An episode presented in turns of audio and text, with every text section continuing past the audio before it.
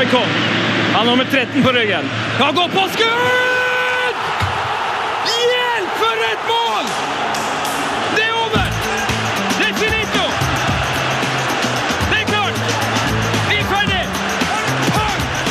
Heia fotball med Tete Lidbom og Sven Biskår Sunde. Heia fotball! Heia fotball! Eh, Si heia fotball, da, Lars! Heia fotball! Yes! Og god fredag til dere som eh, hører på. Eh, som vanlig, må bare si det, veldig veldig glad for at det er så mange som hører på dette her litt skakke fotballshowet Heia fotball. Eh, som dere kanskje forstår, så er min faste kompan eh, Heter det kompan, Lars? Jeg tror det er kumpan. Min faste kumpan eh, Tete Lidbom. Ikke til stede da, men eh, ta det helt med ro. Vi har kasta opp eh, noen nye kort i lufta, latt de lande på bakken, plukka de opp igjen, og da er det sånn at i dag er det Jokeren! eh, Netchef Lars Ja! som er programleder sammen med Ja, det er konge-Lars. Hvordan har du, eh, har du det, da? Har det veldig bra. Jeg spilte eh, Fifa 16 nettopp. Ja, testa det litt. Med uh, mitt favorittlag Nei da. De hadde ikke Steinkjer, men jeg måtte ta det som var, hadde dårligst stats. Ja, jeg sa jo det, Vi skal spille Fifa her nå. Jeg må teste et ny Fifa siden det er kommet ut. Eh, jeg ville spille Manchester United, mitt favorittlag. Du ville spille med ditt favorittlag Steinkjer. Men de var dessverre ikke på Fifa, Skandale. så da gikk du for Sandefjord. Sandefjord. Det er mest breddeaktige norske Ja, det var det breddeste. Ja, så du tok de rett og slett for at de ligger sist i Tippeligaen. Ja, ja, ja. Jeg kan si det. De gjorde en kjempekamp på Old Trafford. Tapte bare 5-0 mot United. Ja, det var veldig bra. Jeg tippa 08, så Åh, skulle jeg ha spilt med Sarpsborg? Ja, Kom jeg på for noe. Eh, Jeg testa jo Fifa med, da, med damespillere. Ja. Eh, Det er jo liksom det store nye med Fifa nå. eh, At man kan spille med damelag. Og til min store skuffelse, der fant jeg ikke Norge. Jeg, måtte spille, jeg spilte med Sverige-Tyskland. Det er jo skandale. Ja, det, det Men hvordan var det å spille? Var det forskjell? Ikke noe forskjell, vet du. Ikke noe forskjell. Akkurat like god? Ja. Litt mindre fysikk, kanskje? Eh, nei, de, nei, det så ut som at de har bare gjort uh, altså liksom At uh, faktisk liksom den beste damespilleren er like god som, som Ronaldo. da Ja. Sånn at uh, damespillerne er, helt like, så vidt, jeg kan, så vidt jeg kan se. Jeg har ikke spilt veldig mye, da men det virka veldig veldig likt. Ellers hadde en bra fotballuke. Kjempebra. Mm. Har ikke peiling på noe har, har skjedd. Har du sett uh, Så du noen cupsemifinale, Å, for så? Rosenborg, ja. Mm. Og så litt av Viking eh, Sarpsborg. Det var jo to lange kamper. 100, Ja. 120 minutter per. Nei, vi har ikke noe imot Heggs-omgangen, da. Nei, nei, nei, nei jeg likte det. Det var jo er der det skjedde. Så, men det var jo, de er jo det, er bra det er lenge til cupfinalen, for nå kan de komme seg, tenker jeg. Jeg er litt for sliten nå. Jeg så intervju med Pål André Helland etter kampen. Han var helt, han var helt ødelagt. Ja, Han ser ødelagt ut når han springer. Ja, han er litt uh, kaldbeint. Veldig hofte... Hoftehunddysplastisk. Det? Morsomt, Lars. Morsomt. Noe, noe annet som må nevnes av fotballuka. Jeg har jo vært i Tyskland. Masse masse mer om det litt. Altså, det blir en snodig sending i dag. Ja. Vi har veldig mye rart på programmet. Men jeg har valgt å kalle det for en fotballtur spesial. Ja, Det er det det er det er jo, ja, det er jo en treffende tittel. Mm. Har du vært på noen fotballtur denne uka? Ikke denne uka her. Nei, bare fra kjøkkenet og ut i sofaen? Ja, rett over den åpne løsningen der. Ja, Nydelig. Det, det blir altså heiafotball. Eh, og nå skal vi straks finne ut hvor Tete Lidbom er. Han er nemlig på ja, du gjetter riktig fotballtur. Heia fotball! Hallo?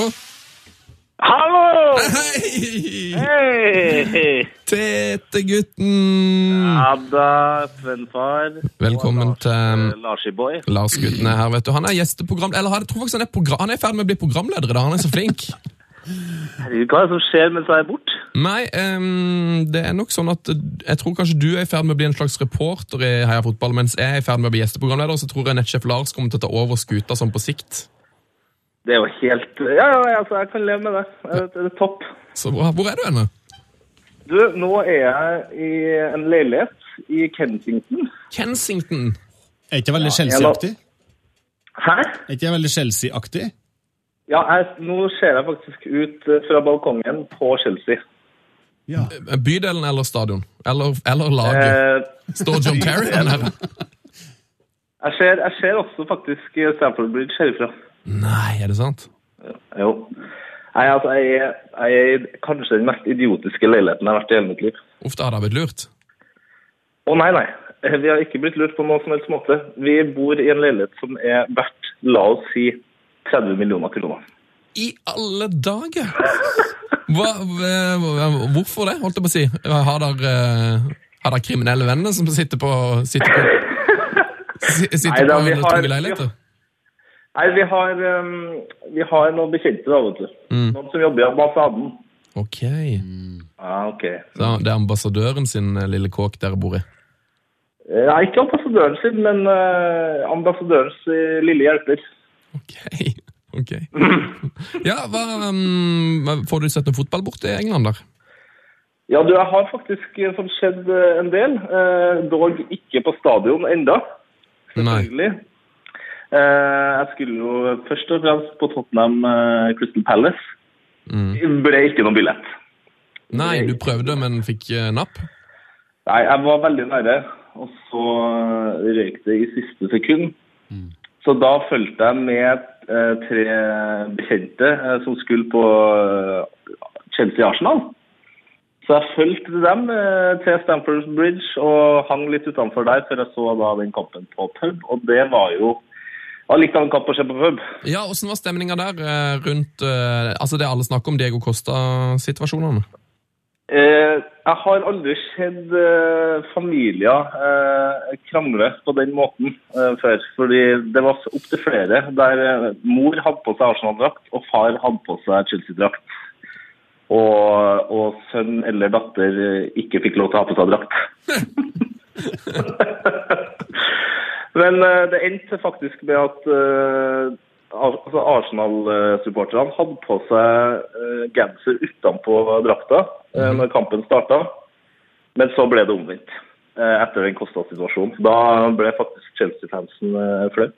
De ble flaue over Kosta, ja? Ja, Yes. de ble det. Så, eh, så det, var, det var jo en opplevelse. Og så har jeg egentlig nå eh, endelig altså Igjen skulle jeg jo også da f.eks. på eh, Tottenham eh, Spurs nå til helga. Oi. Nei, Tottenham City, med det. Men uh, det blir Barnet-kamp isteden. Å, skal du på Barnet-kamp? Ja da, det blir gøy, vet du. Men det blir jo, det er jo Mot. Dagenham. Ja, ja, det Dagenham blir breddefotball. Dagenham and Redridge. Yes, Det er jo faktisk eh, Det er jo mer eller mindre et eh, rent London-oppgjør, det. riktig. Så jeg tar den type rivalisering isteden. Så Eh. Satser på at det blir fullt på stadion, kanskje 5000. Mm. Har de bytta bane nå, eller åssen er det der? De spilte jo på den der skeive Underhill før, som var en, en eneste lang motbakke. Ja, nå er det ikke Underhill i hvert fall. Uh, men jeg kan ikke påstå å si at uh, det jeg har sett av bilder av, av den banen her, som jeg nå ikke husker hva heter engang, uh, det, det ser ikke så veldig mye mer eksklusivt ut. Nei. Nei, men uh, det ser akkurat passe sjarmerende nok ut. Ja, men altså, det, det må jeg si eh, som, av mine egne erfaringer. Jeg synes faktisk, altså, Når jeg var på Barnet-kamp, og de kampene jeg har vært på litt nede i divisjonene, det er nesten, det er nesten gøyere enn å gå på Premier League-kamp. Det Altså. er det. det, er det. Så jæskla koselig. Ja, jeg, jeg gleder meg veldig mye. Jeg håper jeg kanskje får, får ordna meg noen Barnet-effekter. Jeg har kjøpt en kopp sist jeg var der, så det trenger, kan du styre unna. Ja, ok, ikke kopp. Jeg ville kjøpt deg drakt. da. Ja, jeg skal prøve å kjøpe en drakt. Og så skal jeg nå eh, ut eh, i Hyde Park en liten tur nå. Og så etter det på en sportsbutikk og se om jeg finner noe, finner noe gull. da, vet du. Ja, Ja. Du har ikke kjøpt deg jeg må ha Hva sier du? noe, du har ikke kjøpt deg noe drakt eller noe? da? Nei, ikke ennå, nei. Mm. Altså, jeg har Først og fremst så har jeg bare levd livet altså, mens jeg har vært der. Det er så typisk det. Ja, jeg har vært på Ordna meg gjesteliste på en eh, konsert. Eh, satt helt perfekt der. I går var jeg på et teaterstykke. Et fantastisk teaterstykke. Satt helt forrest, selvfølgelig. Um, Var du også på tivoli? Uh, tivoli har jeg ikke vært på. Jeg syns jeg så deg på noe sånn tivoliaktig greier. Ja, Tivoliaktig. Ja. Har, har du, hvor har du sett på Snapchat, eller? ja. Ja, Vi følger deg jo på Snapchat. Det virker, for meg virker det som du har vært mye på fotballpub. Ja, jeg har vært Altså, jeg har jo eh, Jeg har ikke vært på noe tivoli Jo, det har jeg jo! Ja, Å oh, ja! Oh, ja! Du har vært på tivoli, ja! Å ja! Ok. Ja, men da, da skjønner vi jo hvorfor du trodde at du hadde vært på tivoli. Ja, nei, Det skjer mye, vet du. Men, men det, det jeg har også gjort, da, som parallelt med å se mye fotballkamper på pub, er jo å virkelig få meg en innføring i rugby. For det er jo rugby-VM i London. Ja, riktig, riktig.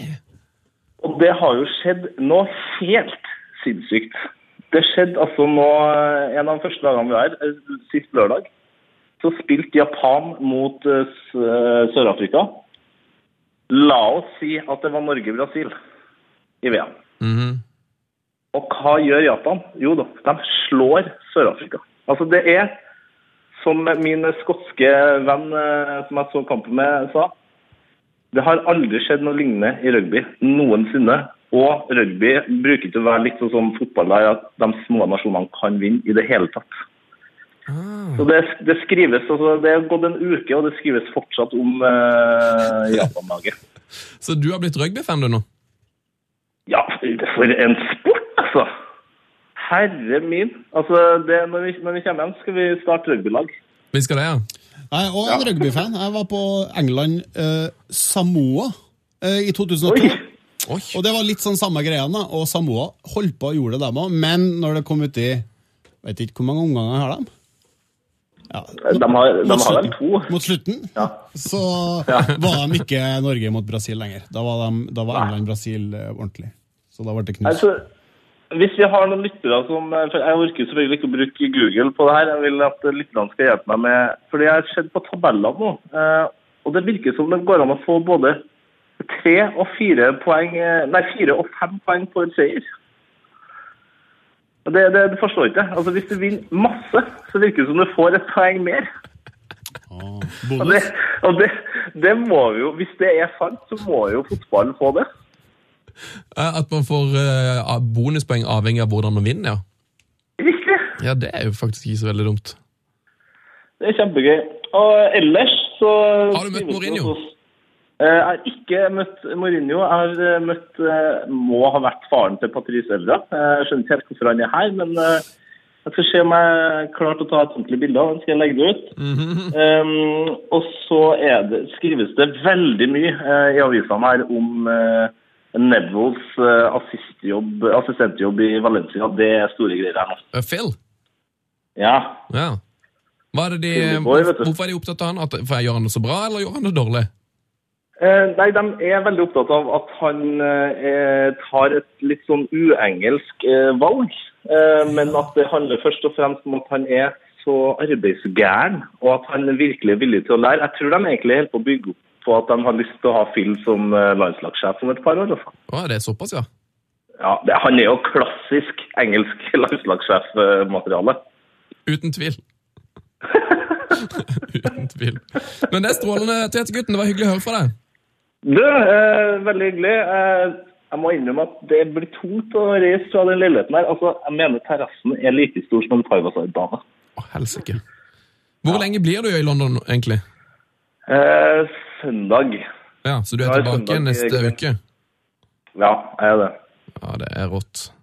Så får vi se om eh, ferien har gjort meg godt, eller om at jeg kommer til å bli arbeidssky eh, av å komme hjem. Ja, Sist du kom hjem, så ble du jo sjuk i fire måneder med gulsot, eller hva du hadde fått.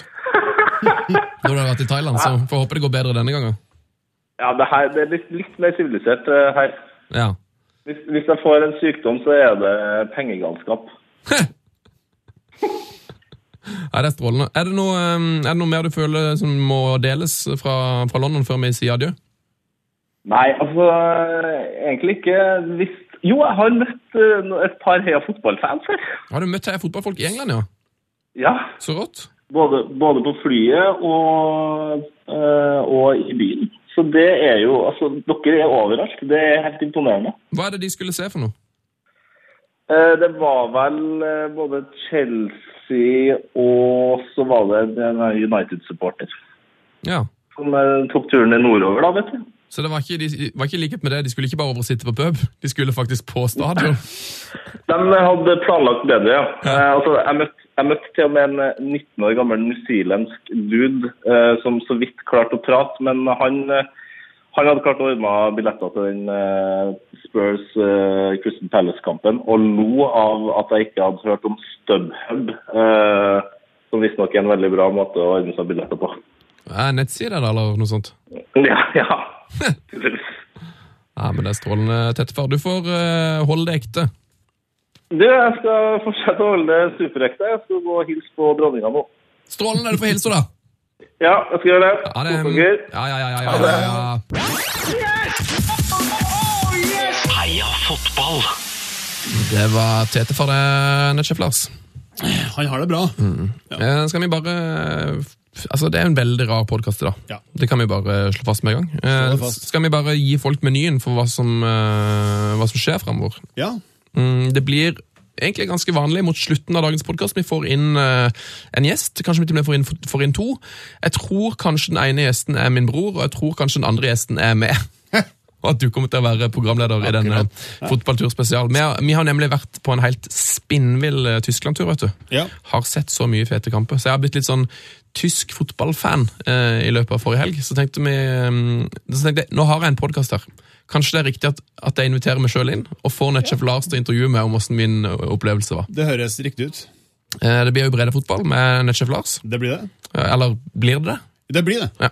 Ja. Om en, jeg tipper det skjer om en uh, times tid. Ja. Men først så har vi en liten godbit. Det er sånn at uh, vi og det har vært på fotballtur før, Lars. Det har vi. Vi har dokumentert det til og med. Det var i 2011, vel? April. Ja, jeg tror det, ja. Jeg tror vi snakker våren 2011. Mm. Da var vi og det og så Manchester City mot Manchester United i England. Eh, Vi var også og så et beinhardt oppgjør for eh, FC United of Manchester i syvende-åttende nivå. Ja, mot Chorley, ja. Og så gjorde, det vi gjorde da, at vi lagde en dokumentar eh, som, eh, for, for P3, for P3 Dokumentar, som vi tenkte vi skulle spille i reprise da, siden TTFR er bortreist, og det er rett og slett eh, litt sånn fotballtur spesial. Så den neste halvtimen skal dere få lov til å være med på fotballtur til England. Den dokumentaren heter Fotballidiotene, og du finner den på p3.no hvis du har lyst til å liksom gå inn og se på alle bildene vi tok fra turen, og lese litt mer om, om eh, hele prosjektet, så kan du gjøre det. Der er det en eh, flott nettpakke med en tidslinje over alle norske spillere i toppen, eh, på toppnivå i England. Alt fra Jan, Einar, Einar Jan Aas til Joshua King. Yes, Der er òg et ekstremt snodig litt sånn groundhopper-kart som du har lagd. Åh, Stadionguiden, ja. Ja. Engelsk stadionguide. Det er sånn interaktiv greie. Du kan gå inn og klikke på, mål avstand imellom, få opp uh, hva de heter, hvilket lag, ja, mye forskjellige ting. Noe Tete kanskje burde brukt uh, nå, for da hadde han visst hvor de forskjellige banene lå. og Der kan du jo til og med liksom plotte inn reiserut og se hvor lang tid du vil bruke for å reise eksempel fra Arsenal til Chelsea og så videre til Portsmouth. da, for. Ja, kan du planlegge en liten uh, tredagers tur der, da. Alle fire øverste divisjonene. Nei, eh, stikk inn på p3.no skråstrek eh, fotballidiotene. Er det det han heter? P3NO skråstrek dokumentar, Ja, og så ligger det nedover der. Eller søk bare på P3 Fotballidiotene. ja, da kommer han opp. På internett. Det er vel trikset. Ja. Men uh, vi er tilbake med mer podkast straks, og da er det altså Netchef Lars som har blitt eh, programleder. Alt dette her skjer etter Fotballidiotene, som vi snakkes om en eh, liten halvtime. So long, suckers! P3-dokumentar. Kan du holde meg? Jeg holder med Manchester United. vet du. Ja. Hva syns dere om det? I morgen kveld er ikke? Er det en drapstrussel? Det vet jeg ikke. Bare at du er ikke her i morgen kveld. You're from Norway? Yeah. You come all the way from Norway for this? Good. Father Gunnar Solskjaer. For Solskjaer. Solskjaer. Ronny Johnson. The hero. Oh, Berg. Ronny Johnson. Oh, everyone's here. Fotballidiotene.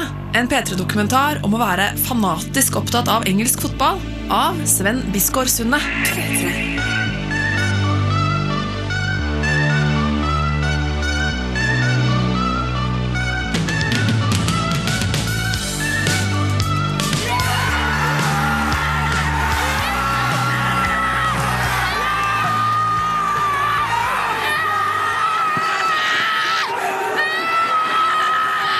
Det her det er lyden av familien Sjølås fra Stavanger. De er noen selvtitulerte fotballidioter som nettopp har sett sitt lag skåre i årets viktigste kamp. P3-dokumentaren er i Manchester fordi vi vil finne ut hvorfor engelsk fotball har blitt så viktig for oss nordmenn. Marching on together. Always see you win, da da da da da. Yes. Hvilken sang var det? Litt sin, litt sin sang. Ja.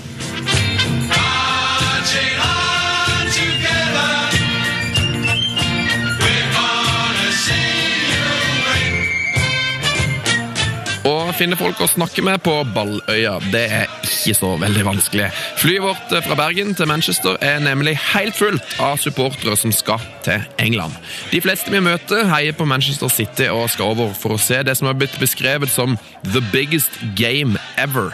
Gigantmøtet mellom Manchester City og Manchester United i april var i praksis en slags seriefinale, og mange mente i forkant av kampen at det var den største kampen i Premier Leagues over 20 år lange historie.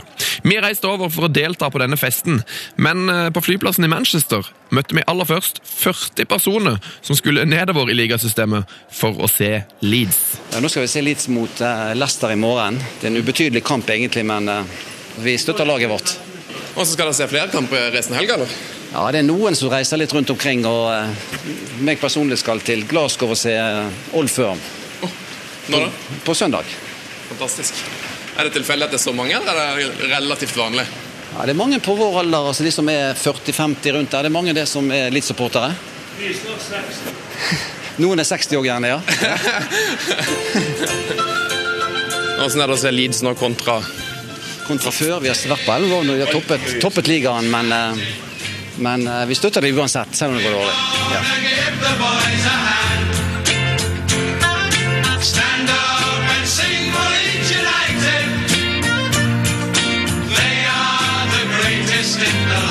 Kurt Aasen der, karismatisk type, som passer fint til den sjarmerende tittelen fotballidiot, som så mange av oss kan smykke oss med.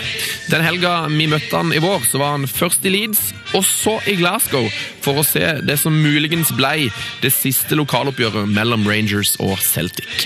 Han var altså på to kamper i to forskjellige land på ei helg, men eh, er nok allikevel ikke den mest fanatiske nordmann vi møter på turen vår. Vi og fotografen min Lars hopper inn i en klassisk engelsk drosje, der vi møter taxisjåføren vår Bob. My name's Bob Azam. Bob, Bob Awesome. Yes. Where's Azam from? it's actually uh, uh, a Pakistani descent. Pakistani. Yeah. Which stadiums have you been to with the with Norwegian uh, customers? It's not unusual to go to Leeds, Liverpool, Preston. I've been there as, as well with uh, Norwegian fans. Even to um, Burnley. I took uh, when Burnley first came up to uh, the Premiership. I, I had the honour of taking some Norwegian fans, five of them, up to Burnley to watch United get beat. unfortunately, Oh, I remember that game. Oh. They really, but they enjoyed it, Mm. and um, and I enjoyed it too. Taking them, they were really nice guys, and we became we become friends on Facebook. So it was, it was a good experience. Bob Azam her, han har norske Facebook-venner som han har trilla rundt på i Manchester-området. Og han er imponert over den overveldende mengden nordmenn som reiser til England. Så godt som alle lag på de fire øverste nivåene i det engelske ligasystemet har en egen norsk supporterklubb. Og i 2011 så var det ifølge Visit Britain 77 000 nordmenn i England for å se fotball. I Manchester har til og med den norske City-fansen sin egen stampub. Og der er vi nå for å drikke øl, prate ball og for å lade opp til tidenes Manchester-derby som skal spilles neste dag. Hallo! De første folkene vi møter på vegg-til-vegg-teppet inne på den dunkle fotballpuben Mother Max, det er Marius og Stein Sørensen fra Mandal. De har sesongkort på Etihad Stadium og reiser ofte til England. De er to av de 20-25 norske supporterne som henger her inne dagen før sesongens største kamp. Det er 80 nordmenn her inne. Det er litt rart. Hvorfor er det så mye nordmenn? Nei, det er et godt spørsmål. altså. City har jo vært dårlig så sinnssykt lenge, så det er egentlig rart at det er så mange nordmenn. Men du ser rundt at det er bare, det er bare gamlinger overalt. Alle er over eh, 40. Og så er det med og to-tre andre rundt eh, under 10. Eller under eh, 20, så Det er rått. Eh, Hvor mye, har sitt, hvor mye trofeer har City vunnet så lenge du har holdt med det? Ett. Ett, og det var i fjor. Så eh, jeg er ikke veldig bortskjemt på trofé, for å si det sånn. Så, så hvis eh, City vinner Premier League i år, så blir jo det mye større for, eh, for oss City-fans enn for United. Har det vært, har det vært over når de var nede på divisjonene, eller? Ja, vi var på kamp i 99 eh, mot Gillingham. Når var det? Det var vel i Jeg så Gillingham på Wembley. I 99. Så dette er ikke noen medgangssupporter. Hvor, hvor mye folk var det på den kampen? 88 000. Wembley. 44 000 City-supportere. Ganske dramatisk, var det ikke? Fordi de lå under til det var overtid eller noe sånt? Eh, De lå, det var 45 sekunder igjen av kampen. Det var 0-2. Da skåra City det første. Så skåra de 5,5 minutter på overtid. Så ble det 2-2 og straffe. Lump forward though by Weekens. Comes now for Gota. Can't get a shot in. Dickoff! He scored! Paul Dickoff has scored for Manchester City. And Gillingham can't believe it. Hvis ikke de hadde rykka opp den gangen, hvem vet, hvordan kunne vi har forblitt nede i sumpa. Det hadde vært trist. Det hadde jo vært trist, men på en måte kan du si det det er like gøy å gå på kamp nede i divisjonssystemet som det er i Premier League, men uh, skal du se dem på TV og sånn, uh, så, så, så må du jo uh, opp at det blir noe standard på fotballen òg. Men stemninga på tribunen og sånn er jo like god nede i divisjonene her i England som det er i toppen. Det Stein sier her er ganske kult. Stemninga nede i divisjonene i England er like god som i Premier League, minst. Og stemninga den står jo i taket her inne òg, på den lille, slitne puben Mother Max i ei bakgate i Manchester. Sorry? Han er 94 år. Elleve City. It's what?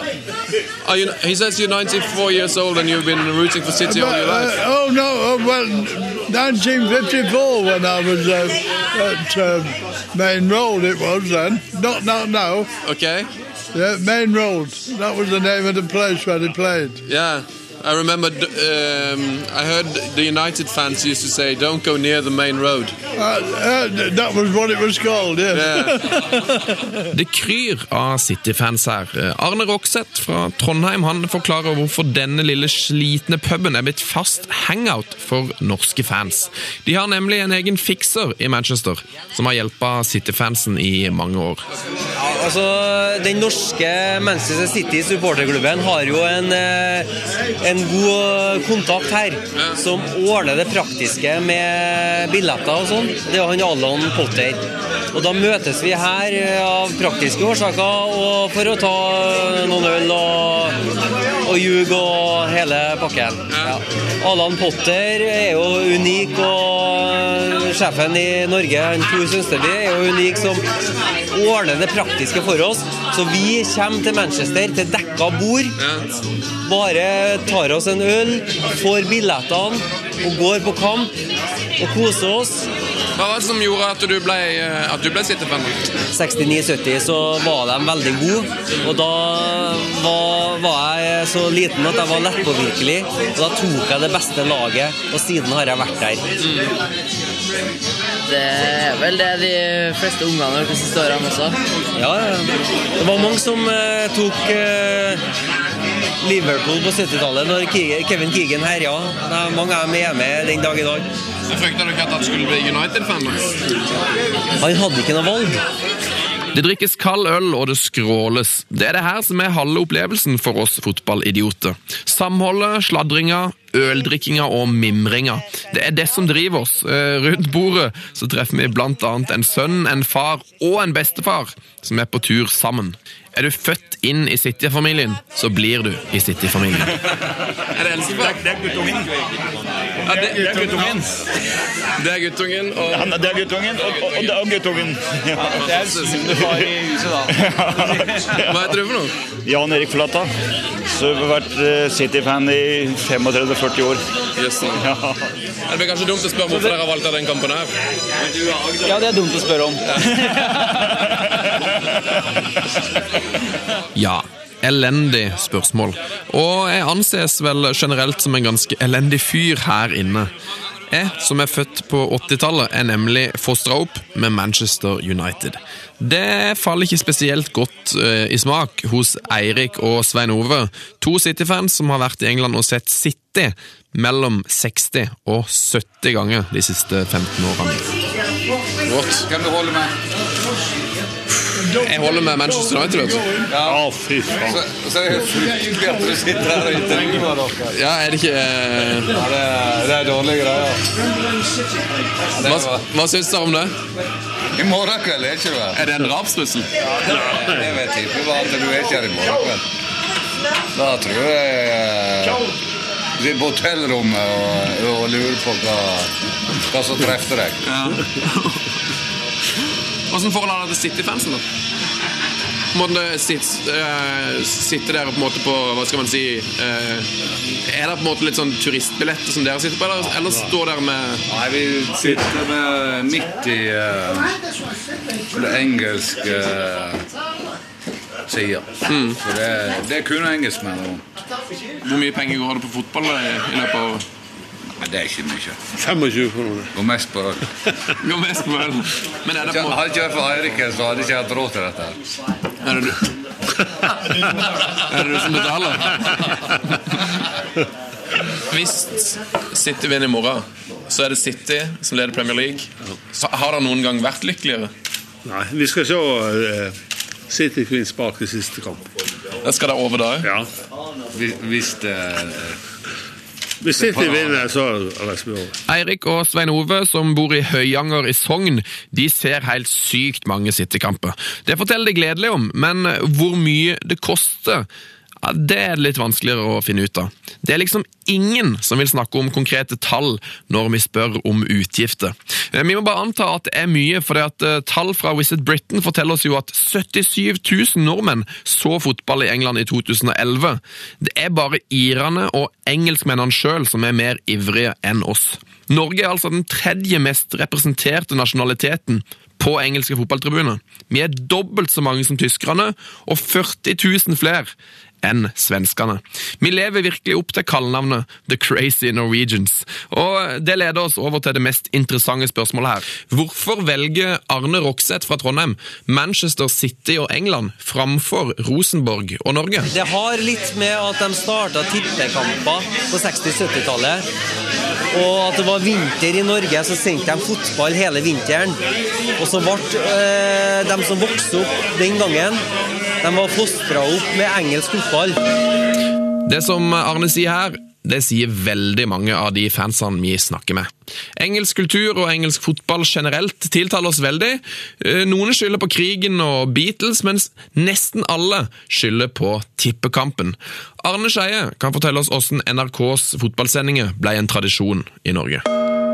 Da vi snakket med TV-folk tidlig på 70-tallet, så var de jo veldig overrasket over dette med Norge, at det var direkte kamper dit. For der fikk de jo bare se denne kampen vi sendte. Den ble da sendt i opptak på søndag den gangen, for dette var et ITV-produkt. Det var BBC som hadde Match of the Day. Den var jo heller ikke direkte, den gikk klokka 10 og 11 på kvelden. Så vi var i en særstilling, og dette syns engelskmennene var utrolig interessant og morsomt, at vi kunne se dette direkte mens de måtte vente et døgn.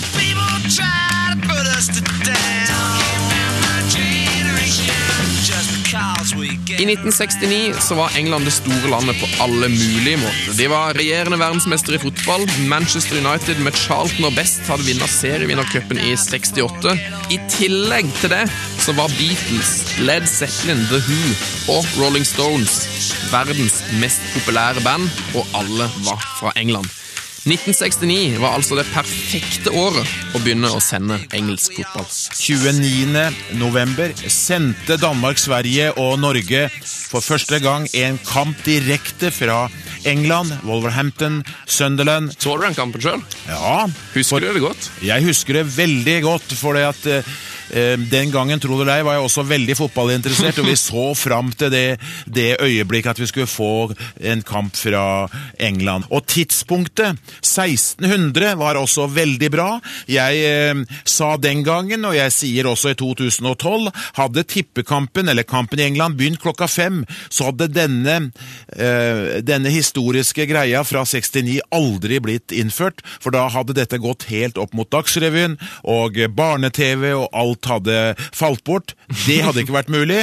Og de som er litt eldre, de vil huske all den oppstandelsen, all eh, den støyen som eh, forekom noen ganger da vi hadde eh, FA-cupkamper fra England som gikk til ekstraomganger. Altså, ekstraomgangene gikk inn i barne-TV.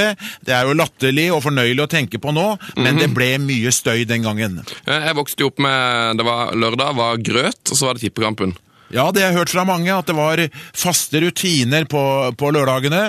Det var, eh, det var familien som eh, samlet seg, og man spiste eh, grøt, og man hadde rød saft, og mange sa jo til og med at de, de sovnet under tippekampen og ble vekt av denne plingingen. Hvorfor falt valget på engelsk fotball? Ja, det, eh, dette var jo mm, igjen en lang historie. En svenske, Lars Gunnar Bjørklund, var i London, eh, så sitt favorittlag eh, Tottenham og lurte på hvorfor ikke dette kunne gå direkte til Norge. ITV England hadde eh, eksportrettighetene, kall det hva du vil, og det var den Avdelingen i Birmingham, Midt-England, som var ansvarlig for dette. Derfor kom alle kampene i de første, ja, første årene fra Midt-England. Og det er jo en av grunnene til at eldre mennesker i dag f.eks. har Stoke, Wolverhampton, Aston Villa som favorittlag. Så i begynnelsen så fikk man ikke lov til å vise kamper fra England eller fra Nord-England? Nei, fra London eller Nord-England? For de hadde ikke rettigheter til å selge dette. Det var genialt, dette Norge, Sverige og Danmark eh, fikk til. Og dette var et eh, prosjekt som også gikk utenom eh, Eurovisjonen. Det var en slags overføring av én kamp til de tre landene. Tippekampen har altså mye av skylda for at vi er så opptatt av engelsk fotball her i Norge. Mange nordmenn er fanatisk opptatt av engelsk fotball. Det kan tidligere redaktør for United.no, Jon Martin Henriksen, fortelle oss. Ja, det var det er For et par sesonger siden så skulle Manchester United møte Wolverhampton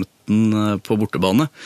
Eh, og da, bodde jeg i England selv med en god kamerat som heter eh, Ivers, eller vi kaller ham i hvert fall det. Eh, han, han skulle fly på kampdag. Han kaller det Ivers time. Han legger alltid inn veldig liten margin, så han, så han må treffe for at han skal rekke avspark. Mm. Men flyet hans ble rett og slett kansellert pga. snø på Rygge, og allerede da hadde de fleste av oss gitt opp. Men han kaster seg i en buss til Torp flyplass, for et nytt fly til London, lander altså i London eh, ca. en time før avspark i Wolverhampton. Kaster seg i en taxi, kommer til pause på Molyneux Ground. Men det viser seg jo da at da er det jo stengt stadion, så han kommer seg ikke inn. Nei og nei. Men eh, Ivers har vært med på mye rart, eh, og han klarer altså å snike seg inn på VIP-tribunen på Molyneux. Eh, så brått da så står han jo der på vippen, sammen med alle pampene i, i Wolverhampton som Ståle Solbakken har blitt kjent med nå. Og da scorer Paul Scholes for, for United. Og Ivers blir jo glad når, når United scorer, og, og begynner å juble. Før han vet ordet av det, så er det to sånne store sikkerhetsvakter over han som kaster ned en trapp. Så blir han geleida foran, eh, foran alle United-fansen, ca. 2500 der tipper jeg der, og jeg visste ikke da om hvordan det sto til med Ivers. Det jeg ser er at Ivers bare vinker til meg fra indre bane og blir kasta ut av Molyneux, han fikk med seg ca. fem minutter. Eh, Han var fornøyd med turen, han? Ja, han klaga ikke. Manchester United vant, som han sa, så, han, eh, så, så det var det viktigste på han. Hvor mange steder har du vært og sett United nå? Land så har vi USA, Tyskland, Italia, Frankrike, eh, Irland, England selvfølgelig, Danmark, eh, Tyrkia. eh, Det er mulig jeg glemmer noen her nå også, men eh, flere ganger i Tyskland og sånne ting, så det har blitt, blitt noen land. Eh, Liker du best å se kamper på Old Trafford, eller, eller er du en sånn bortekamp-type? Jeg er den som eh, ikke vil synes i mengden og bare rusle stillferdig inn på en bortekamp eh, etter noen kalde pints. Det er vel det jeg liker klart, klart best. Hvorfor liker du ikke å se kamper på Old Trafford? Jeg misliker det ikke, men jeg synes stemninga der har blitt eh, veldig dårlig, eller flat, da, som du sier i England. Eh, jeg var på første nyttårsdag i 2009, tror jeg det var. Eh, da gikk Alex Ferguson ut etter kampen og sa at det var begravelsesstemning på Old Trafford. Eh, og det hadde han egentlig helt rett i, for det var helt grusomt. Du kunne høre, høre en knappenål falle, altså. Jon Martin Henriksen han trives altså ikke så veldig godt på sitt eget lags hjemmebane. Og det er han ikke alene om i England. De siste årene så har bl.a. Liverpool, Newcastle, Blackburn, London, Wimbledon og Manchester United sin fans brukt mye av tida si på å krangle med klubbens rike eiere. På den lille fotballstadion Victory Park i Shorley, litt nord for Manchester, så står det en kar og selger skjerf. Eh, På sida av han så møter vi ei dame som heter Randi Andersen. Randi har bodd i mange år i Manchester og heia en gang på Manchester United. Men hun følte seg tvungen til å bytte favorittlag. Det nye laget sitt det spiller i syvende divisjon og heter FC United of Manchester. Hvordan ser det ut her om to timer? Da er det rødt, hvitt og svart bak, bak målet der. I sør blir vel det. Mm. Eh, Veldig mye politi. Det er det alltid her. Hvorfor det? Det er vel fordi at vi, vi, tar, vi, vi har såpass mange fans at politiet blir litt nervøse. Så du ser de, de er jo på den ene tribunen der og får litt uh, instruksjoner. I tillegg til alle de som allerede er i byen. Mm. For det er En av grunnene til at vi tar masse, tar masse bilder, er at når, når folk hører det, her, så kan de gå inn på nettsidene våre og kikke. Ja. Og eh, da vil de altså se 40, 50, 60 politi. Men det er jo som en, det er jo som en norsk cupfinale, nesten. Ja, og i tillegg så Jeg kom akkurat fra stasjonen nå. Der var det hundepatrulje eh, og masse, masse politimenn i Eller politifolk i fullt eh, det jeg vil kalle for riot gear. Altså hjelm og det hele. Det syns jeg er litt trist. mm. blir du Er det sånn at man eh, At det kan være skummelt å gå på kamper noen ganger?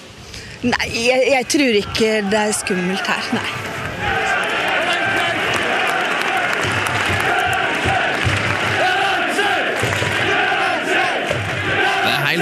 Utrolig stemning på denne kampen i syvende divisjon. FC United vinner den svært viktige kampen 2-0, og det gleder nok mange norske hjerter. Denne klubben har nemlig masse norske fans, kan Randi fortelle oss. Nesten hver eneste kamp er det nordmenn over for å se FC. Og her bør vi kanskje stanse opp og forklare litt. FC United engasjerer utenom det vanlige, fordi det er en litt annerledes eh, fotballklubb.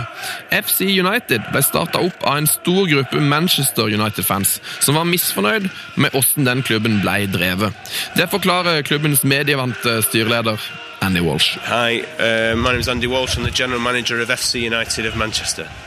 This is not your first interview about FC United of Manchester. Uh, no, it's not the first interview. Um, we get a lot of attention, which is very welcome.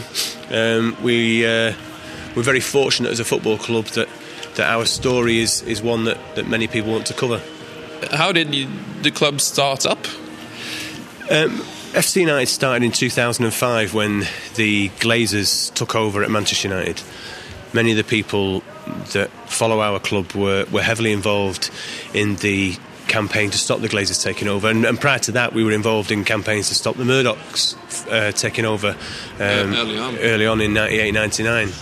And um, we organised probably the biggest supporters campaign that the world has ever seen in football. I 2005 så gikk tusenvis av Manchester United-fans i demonstrasjonstog fordi at de ville nekte de nye amerikanske eierne å sette klubben i en enorm gjeld. Det lyktes de ikke med, og klubben ble kjøpt opp og står fortsatt i masse gjeld. Når fansens protester ikke ble hørt, så så ikke Andy Walsh og mange med han noe annet valg enn å starte opp en ny klubb som var mer i tråd med de verdiene som de supporterne sjøl sto for. We're what's known as a community benefit society, and that means that as a football club, anybody who joins the club and becomes a member gets one share in the company, and uh, the fans run the club. Does that mean that you can be voted out of your own club? Yes, it means the board, the board, um, board members can be uh, can be unelected, can be can be voted out. Ja, bunnlinja i det Andy Walsh eh, sier her, det er at FC United ble starta opp fordi de mener at penger og business har blitt for viktig i den moderne fotballen. I 2012 så eies nesten alle store fotballklubber av investorer som tenker mer på sin egen økonomi enn på fansen og nærmiljøet rundt klubben. Den holdninga har ført til at annet Randi Andersen fra Norge nå heier på FC United framfor Manchester United. Du var med helt fra begynnelsen og, Ja. og starta opp FC United? Ja, det var jeg. Og da eh, kom det vel til Jeg tror det var 18. juni, så vi, fikk vi innpass i en liga som er da tiende divisjon, hvis du teller Premier League som divisjon igjen. Ja. Men hva er målet nå? Er, er målet å, å rykke opp og liksom bli like gode som Manchester United? Nei, tror jeg de aller fleste vil si. Eh, Det som er viktig for oss, er at det er fansen som bestemmer hva vi skal gjøre. Hvorfor er du så, er du så opptatt av, av fotball? Nei, jeg tror jeg er mer opptatt av folkene som følger fotball. Mm. Og eh, stemningen rundt, og uh, Altså, jeg, jeg, jeg, jeg syns det er fascinerende å Altså, jeg syns faktisk det er fascinerende å se på andre som som det betyr så mye for, Mm. faktisk, uten at jeg ser, ser, ser kanskje det samme i meg sjøl. Så Så du er for engasjementet, liksom? ja. Randi Andersen, altså. En eh, litt sånn ny type fan som har sprunget fram de siste årene fordi fotballen har blitt så kommersialisert. Dette leder oss over på et eh, interessant spørsmål. Hva tenker egentlig britene? Føler de nå at norske fotballfans på en måte stjeler spillet fra dem? Kan det bli sånn at turistene ødelegger den fotballkulturen som så utrolig mange nordmenn er så glad i? Vi kommer i prat med en smørblid, rødhåra og svært snakkesalig FC United-fan, som sier at eh, han ikke har råd til å se Manchester United lenger. And you're from Norway? Yeah. You come all the way for this? Yeah. For Ole Gunnar Solskjaer. For Solskjaer. Solskjaer. Solskjaer, Johnson. The hero. Henning Berg. Ronnie Johnson. Everyone's here. You know, Yeah. remember Neverland? Neverland. Neverland. Neverland. He wasn't the he, he was in the reserves ten years ago. Oh, well. Played for Fulham. I'm 20 years of age, so. But I remember the Solskjaer and the Ronnie Johnsons, you know. But what, what is what does uh, United? You say you, you can't go to the game because it's too expensive. Uh, Yeah. What do the United supporters think about Norwegians, uh, Oh, Asians coming to well, the game it's, and it's, kind it's, of? it's beautiful. It's absolutely amazing. It's fantastic. It's it's what the game's all about, you know. So, you, so it's not like you're feeling that they are stealing the game. No, no, no, no, no, no. We're all here for a reason. We're all here to support everybody. You know, we're, we're all here for a reason. You know, it's so you know it's it's, it's all good. Mike her er i likhet med de fleste britene vi møter på vår reise, ganske positiv til norske fotballturister. Han føler ikke at vi stjeler fotballen deres. Tvert imot. Han er stolt over at engelsk fotball er så viktig for folk. Og det er nok òg en av de viktigste grunnene til at mange nordmenn faktisk er så glad i engelsk fotball. På fotballkamp i England så er ofte forbrødringa total. Eh, Vi avslutter vår reise med å bli med familien Sjølås på den kampen som ble sett av over 650 millioner mennesker på TV. Vi skal høre hvordan de opplevde å se sitt kjære City slå fienden United 30. april 2012.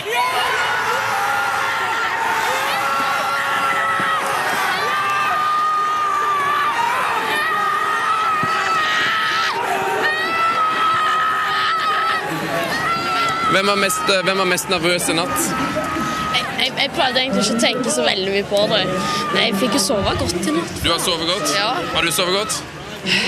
Egentlig ikke. Eh, ikke. Utrolig nervøst har, jeg, nervøst har jeg vært den siste uka. Og det Åh, skummelt.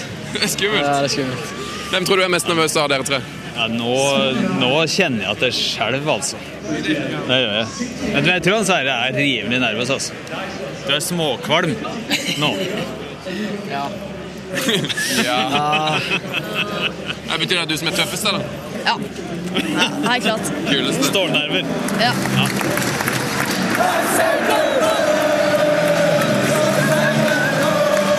City mot United 30. april 2012 var en tett og sjansefattig kamp som City vant 1-0. Det var en eh, historisk kamp, en historisk dag. En dag da voksne menn i altfor trange lyseblå fotballdrakter gråt.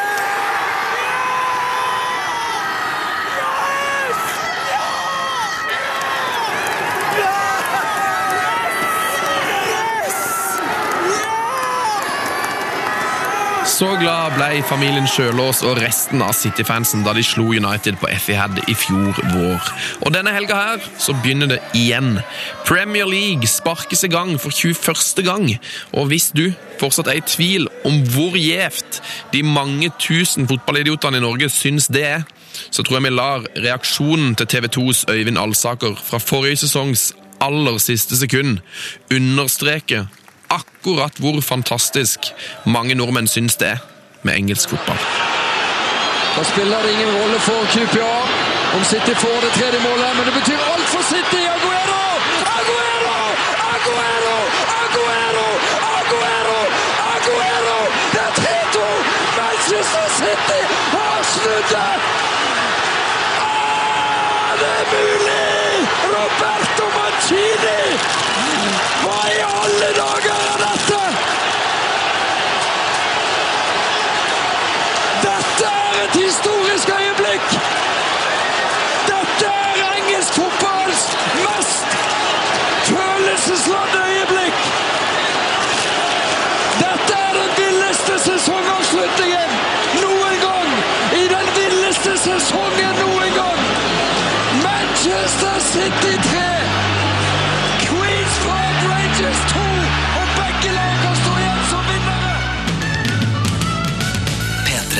P3-dokumentar søndag klokka ni på P3 og når du vil på p3.no. P3. Det var fotballidiotene, Lars. Nydelig, vet du. Det var en fin tur vi hadde der. Åh, det beste var når vi var i Shorley. Ja, det var så konge. Sjuende nivå. Ja, det, det, som, eh, det, var, sånn- det var det som var sjølve matchen. Two pounds for your lucky scarf! Lucky scarf! Two pounds! Ja, det var konge. Anbefaler alle. Stikk til Shorley i 7. divisjon. Se noe skikkelig, skikkelig lavt nivå. Spis de der vonde burgerne med løk, eller den tørre paien der. Helt utsøkt. Alt koster to pund. Alt, det, er- det jo veldig greit. Det er bare én pris. Eh, skal vi ta, ut, eh, ta, ta imot ukas gjest? Det syns jeg. Eh, altså, Lars. uka sist er en av mine favorittmennesker i hele verden. Eh, han, er, han, er, han jobber i NRK, han er fotballskribent i NRK. Han kommenterer tysk fotball på Eurosport. Eh, han, har vært, han har spilt fotball sjøl. For Vålerenga, eh, for Skjetten, for Mandalskameratene, og han har også vært trener i Skeid og jeg lurer på kanskje til og med var trener i Bærum. Det er ingen ringere enn min bror! Eivind Sunde, velkommen til oss. Det var veldig hyggelig. Jeg har jo ønska å være med på dette her lenge. vet du. Ja, veldig, veldig bra. Og endelig er du her. Ja, Jeg hadde jo håpet at jeg skulle liksom være programleder da, en gang som du var borte, eller noe, så skulle jeg bare ta over. Skulle ingen merke noe. Ja, kanskje vi kan, Det kan vi kanskje gjøre. Jeg har jo planer om å være borte litt uh, av og til. Ja, ikke sant? Bare, ja. Da kan du bare ta over skuta. Vi kan bare snakke om det på bakrommet, kanskje. Du, Stemmer det at du har vært trener i Bærum? Nei, det stemmer ikke. Nei, Nei men, men du, har, du har vært i Bærum? Jeg har spilt fotball i Bærum, ja. Ja. Det har jeg, under Tor Ole Skullerud.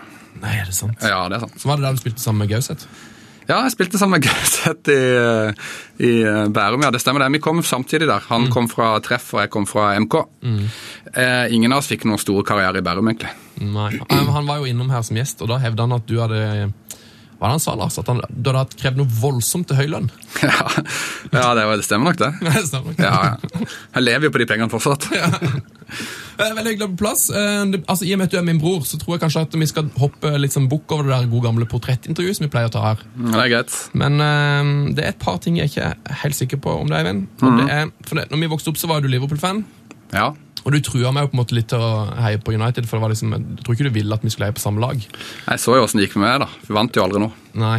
Eh, Så da, da er jeg egentlig veldig, veldig glad for det. det ble Men hva, hvilket lag heier du på for dette? Jeg kan ikke huske egentlig å ha sett at du har heid noe selv på Liverpool de siste 15 årene. Nei, jeg heier jo fortsatt på Steve McManaman. da. Han uh, var jo den store helten da jeg var, Liverpool-fan. Men uh, nei, jeg har fulgt litt med på Real Betis kanskje de siste årene. Og så ellers så har jeg vel prøvd å bare ikke heie på så veldig mye. Det er egentlig Jeg har ikke noe favorittlag eh, akkurat her og nå, altså. Det ligger litt, ligger litt til familien der bare heie på fotball generelt. Ja, men uh, Nei, jeg skulle gjerne hatt et lag å, å følge, men fotballinteressen min har gått liksom egentlig veldig opp, opp og ned, egentlig. Og når jeg jobber så mye med det nå, så har ikke, føler jeg ikke har tid til å være så tøft inni det hele tida. Men eh, jeg må jo følge opp det her. Du har vel et hjerte for Mandalskameratene fremdeles? Det har jeg. Der har føler jeg, jeg føler godt med der. Jeg synes Det er veldig gøy at eh, Rolf Hægeland nå er blitt eh, trener igjen, som var trener når jeg ble tatt opp på A-laget i, Ja, i sin tid. Hæg- Ja, Hægeland er, Hægeland er fin. Det er liksom en sånn sirkel som har gått eh, som er fullendt, da, med han tilbake på benken og laget tilbake i, snart i fjerde, vel. Så litt trist, men òg litt uh, hyggelig, da. Mm, Rolf Hægeland. For det er de som kjenner til han. Du, du har selvfølgelig hørt om han, Netchef Lars. Du er oh, ja, ja, ja. ja, fotballsjef her. Jeg får jo info daglig. ja. Du, Grunnen til at uh, du er her, Eivind, er at eh, mm, vi har jo litt sånn fotballturspesial i dag. Mhm. Og forrige helg var vi med det på en altså tidenes fotballtur. Ja, det var godt planlagt. God planlagt tur. Ja. Jeg sto for planlegginga. Du og pappa sto for planlegginga, jeg sto for uh, drikkinga og henginga. Jeg hang liksom bare på. Ja, du sa det i baksetet, kan du si. Og, og ble ve- veldig overraska. vet du hvor mye jeg har vært, Lars? Har du, fått, har du liksom klart å henge med? Jeg har fått updates på eh, MMS, faktisk. Mm, mm. Videos. Og så har jeg fått på uh, Instagram Mm. og eh, Snapchat Heia Fotball. Så jeg har fått med litt. Men jeg gleder meg veldig til å høre hvordan det var. Mm. Altså, Dortmund, det er jo liksom drømmen å ferdig dit med en million folk på tribunen. Ja, det var, altså, det var en million der, nesten. Men jeg er mer interessert egentlig hvordan var det i Dere var jo så lavere divisjonsspill da. Ja, vi var, ja, vi kan begynne der. Vi- var i Bochum. Eh, Det var vel nivå to, Eivind? Ja, begynte der eh, først, da. Men eh, nivå to det er jo to, var topplaget da, i, på, i Sveite Bundesliga. Eh, Et eh, fantastisk, var et fantastisk eh, oppgjør mot Düsseldorf. Fortuna Düsseldorf. Det var et lokaloppgjør. Det er vel en halvtime mellom de to bilene på motorveien. Ja, de to byene, ja. Byene, bilene. Og det var altså fullsatt. Og jeg har ikke vært med på maken, for vi hadde jo da fått billett like bak mål hos hjemmefansen. Ståplass. Mm. og der la oss der gynga det når det ble skåret mål. Så det var nesten som å være på Åge Aleksandersen-konsert. eh, altså når uh, trønderne begynner å hoppe, så bare gynger betongen, da. Sånn var det når det ble mål der. Ja, Det var litt som å eh, Det var DumDum-konsert. Eh, Men altså, hvor, hvor var det 27 000 på den eh, stadion? Det var jo helt tjåka fullt. Nei, var det vel var det ikke 29 700 nå? Det var helt fullt. Ja, det var. Så det var, det var litt sånn sjokk, egentlig. For at, uh, du følger mye mer med på tysk eh, ball enn meg, Eivind. Mm. Uh, og jeg, jeg hadde liksom sånn Jeg tenkte ja, nivå to, da er det Ok, det er sikkert 10 000 maks på tribunen, og så er det lavt nivå. Men de var, det var to veldig gode lag, og så var det altså så sykt mye folk. Det var helt Men det er jo en eh, storby, da. Det var 250 000 som bor i Bochum. Og så bor det 500 000 i Düsseldorf, og så ligger de like ved siden av hverandre. Så det er jo en noen å ta, da. Ja, ja, men men jeg tenker mer sånn Jeg tror i alle fall hvis de som hører på, er like opptatt av engelsk fotball som meg, Mm. så fikk jeg litt sånn sjokk over uh, hvor sykt mye folk det var til å være på så, såpass lavt nivå. da. Ja, Og så betalte vi 13 euro for billetten. Ja. Så det var jo, det var jo, det er jo hyggelig. Det var en hygg, hyggelig pris. Og så er det vel litt med det, det tyske det? At de er veldig glad i fotball, rett og slett. Det her. Ja, det var i hvert fall veldig hyggelig. Altså, det var, den, eh, jeg har ikke vært med på noe sånn som det før, da, for det, det å få disse ståplassene og sånn er jo litt vanskelig. Ofte må du være medlem i klubben og, og sånne ting. Eh, så vi havna jo da, og kom litt seint inn på stadion, så vi måtte stå i, eh, i trappa. Fikk Urutinert. Urutinert. Men da var det sånn at etter hvert altså, så var det en fyr som så at jeg sto litt sånn ustøtta.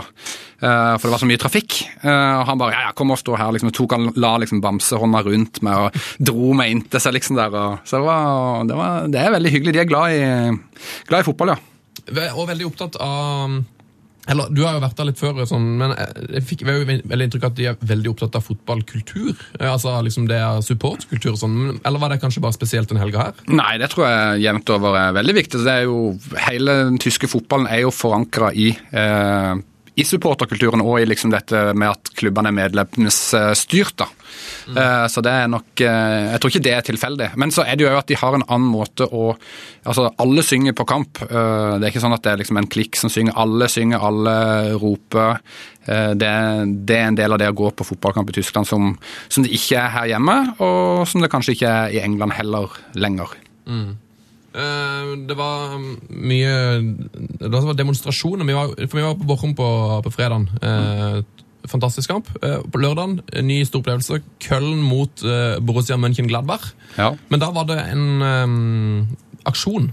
Eller altså en demonstrasjon. Ja, det var en demonstrasjon fra bortefansen, da. Som, eh, det, det var jo et, et veldig potent eh, oppgjør. eh, det Köln-Gladbach det er et sånt oppgjør som går tilbake til 70-tallet. eh, og Det er et sånt rivaleri som har levd veldig lenge. Og de siste årene så har det vært mye tull og tøys utenfor banen.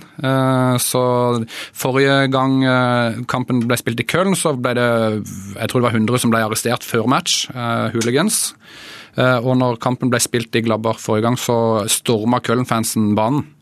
Eh, Og Det som skjedde da, var at det tyske fotballforbundet ønska å ha litt mer kontroll over, eh, over den kampen enn det, det de pleier. Så de hadde gitt eh, Gladbach-fansen mindre billetter til bortekamp enn det som er normalt. da. Samtidig som at de måtte identifisere seg når de kjøpte billett. Eh, Jeg vet ikke om de måtte identifisere seg med eh, hvordan de, Jeg tror det var snakk faktisk om eh, fingeravtrykk, da, for at yes. politiet skulle vite hvem som var inne, og fotballforbundet skulle vite hvem som var der inne. Så istedenfor å gå på matchen da, og innfinne seg med de reglene, så tok Gladbach-fansen og bare boikotta hele kampen, sendte billettene i retur. Så var det noen, så det var, det var jo ja, hva skal vi si, det var et par hundre på bortefeltet som hadde kommet allikevel, og ellers så var det tomt. Samtidig som da Köln-fansen gjennomførte en aksjon eh, hvor de støtta Gladbach-fansen. da, Fordi at eh, de mente at det var- gikk ikke an å, å straffe en hel, eh, en hel fanskare pga. aksjon, eller eh, det noen, noen hadde gjort. da. Eh, og den, eh, Sånne ting er, veldig, er de veldig opptatt av i Tyskland. altså eh, At man ikke skal røre eh, borte, bortefansen. Fordi at eh, tilskueren mener, eller hjemmefansen mener at det, skaper en helt eh, spesiell atmosfære. Det at det er bra med folk på bortekampene òg. Derfor er f.eks. mandagskamp fryktelig eh, Det vil de ikke ha noe av. Eh, de har det i andre bondesliga, men de vil ikke ha det i, første bondesliga. De er jo egentlig imot eh, fredagskampen, men den er blitt så innarbeida nå at det, det går liksom greit. da. Men det skal være mulig å komme seg på kamp. da. Og det skal være billig. Ikke rør billettprisene heller. så det... Det liker vi. Ja. Eh, Det var jo eh, den, Det var egentlig litt sånn sjokk. Eh, Hvor, hvor mange tilskuere tror du det er plass på på liksom hjemmebanen til Køllen, Lars? Altså, et for, for, I hodet mitt en ganske liten tysk fotballklubb, da, som aldri liksom har Ja, altså, levert noe særlig. Hvis du tenker Ja, eh, jeg tipper jo sånn Norge er jo 20 000 mye, sant? Men sånn 40 000, da, det er Det, det er det er bra. Det er midt i overalt. Men uh, den, den stadion der var så svær. Det var helt uh, sinnssykt. 50 000 eh, var det plass til. Og så var det vel da altså 2700 Bochum-fan, nei, eh, Gladbach-fans som ikke hadde kommet. Så det var, men det var over, over 47 000 eh, på plass på den stadion. Og da kom vi til noe av det som liksom, var det fineste med hele, hele det å gå på kamp, nemlig at før match så spiller de da selvfølgelig Köln-hymnen. Vi kan bare høre litt på den.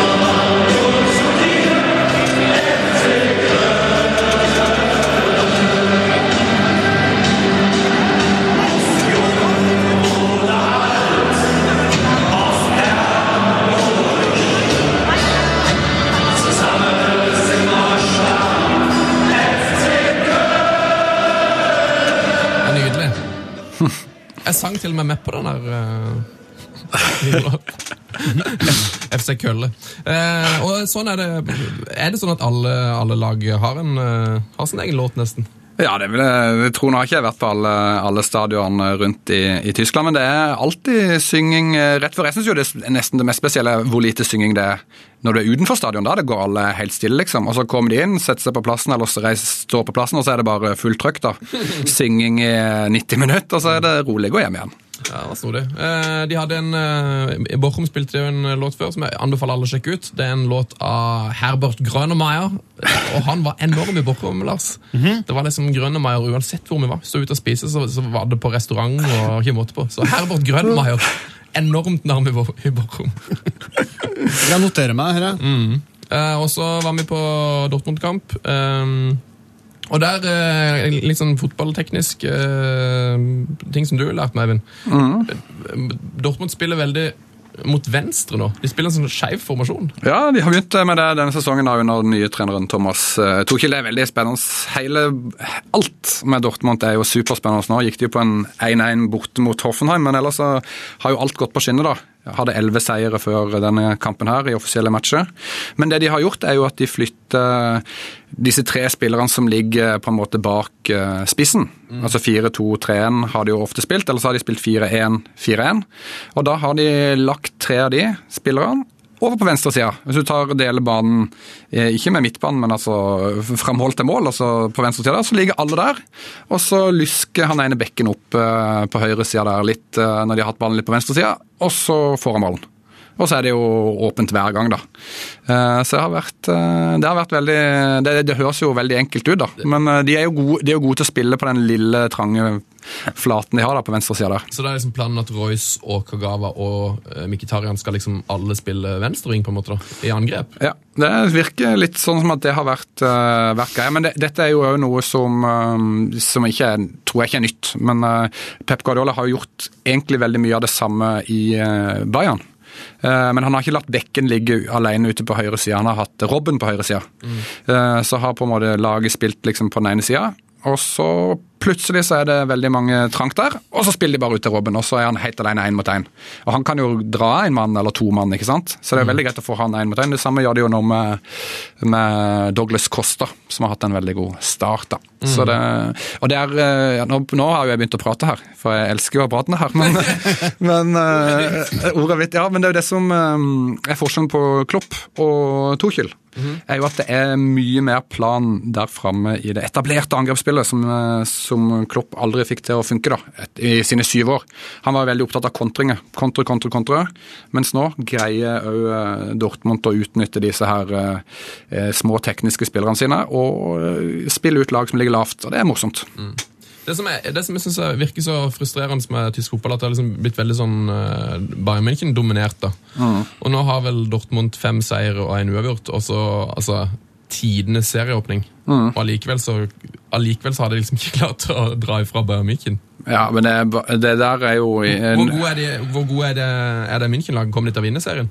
Ja, det tror jeg. Eh, Jeg tror de kommer til å vinne serien hvis ikke det skjer, hvis de ikke får masse skader eller et eller annet sånt. Men eh, det er jo ikke noe nytt. Altså, Bayern München har vært det beste laget siden 1964, da, på en måte. De har vunnet Det er ikke mange seriemesterskap, de har jo 25 seriemesterskap, og det er vel ingen andre som er i nærheten. De har vunnet halvparten av gangene Bundesliga er spilt, da. Mm. Samtidig som de får på en måte lov å kjøpe alle spillerne som er gode i Tyskland. Det, har de jo, det, er, liksom, det er liksom greit. Er det sånn uskreven regel at liksom at de, sånn som når de, ja, de har henta Götze, for eksempel, eh, og de har henta Lewandowski fra, liksom, fra Dortmund. Er det liksom er det litt sånn skreven i Er det en hemmelig avtale at liksom, det, man skal liksom gå til Dortmund til slutt når man blir best?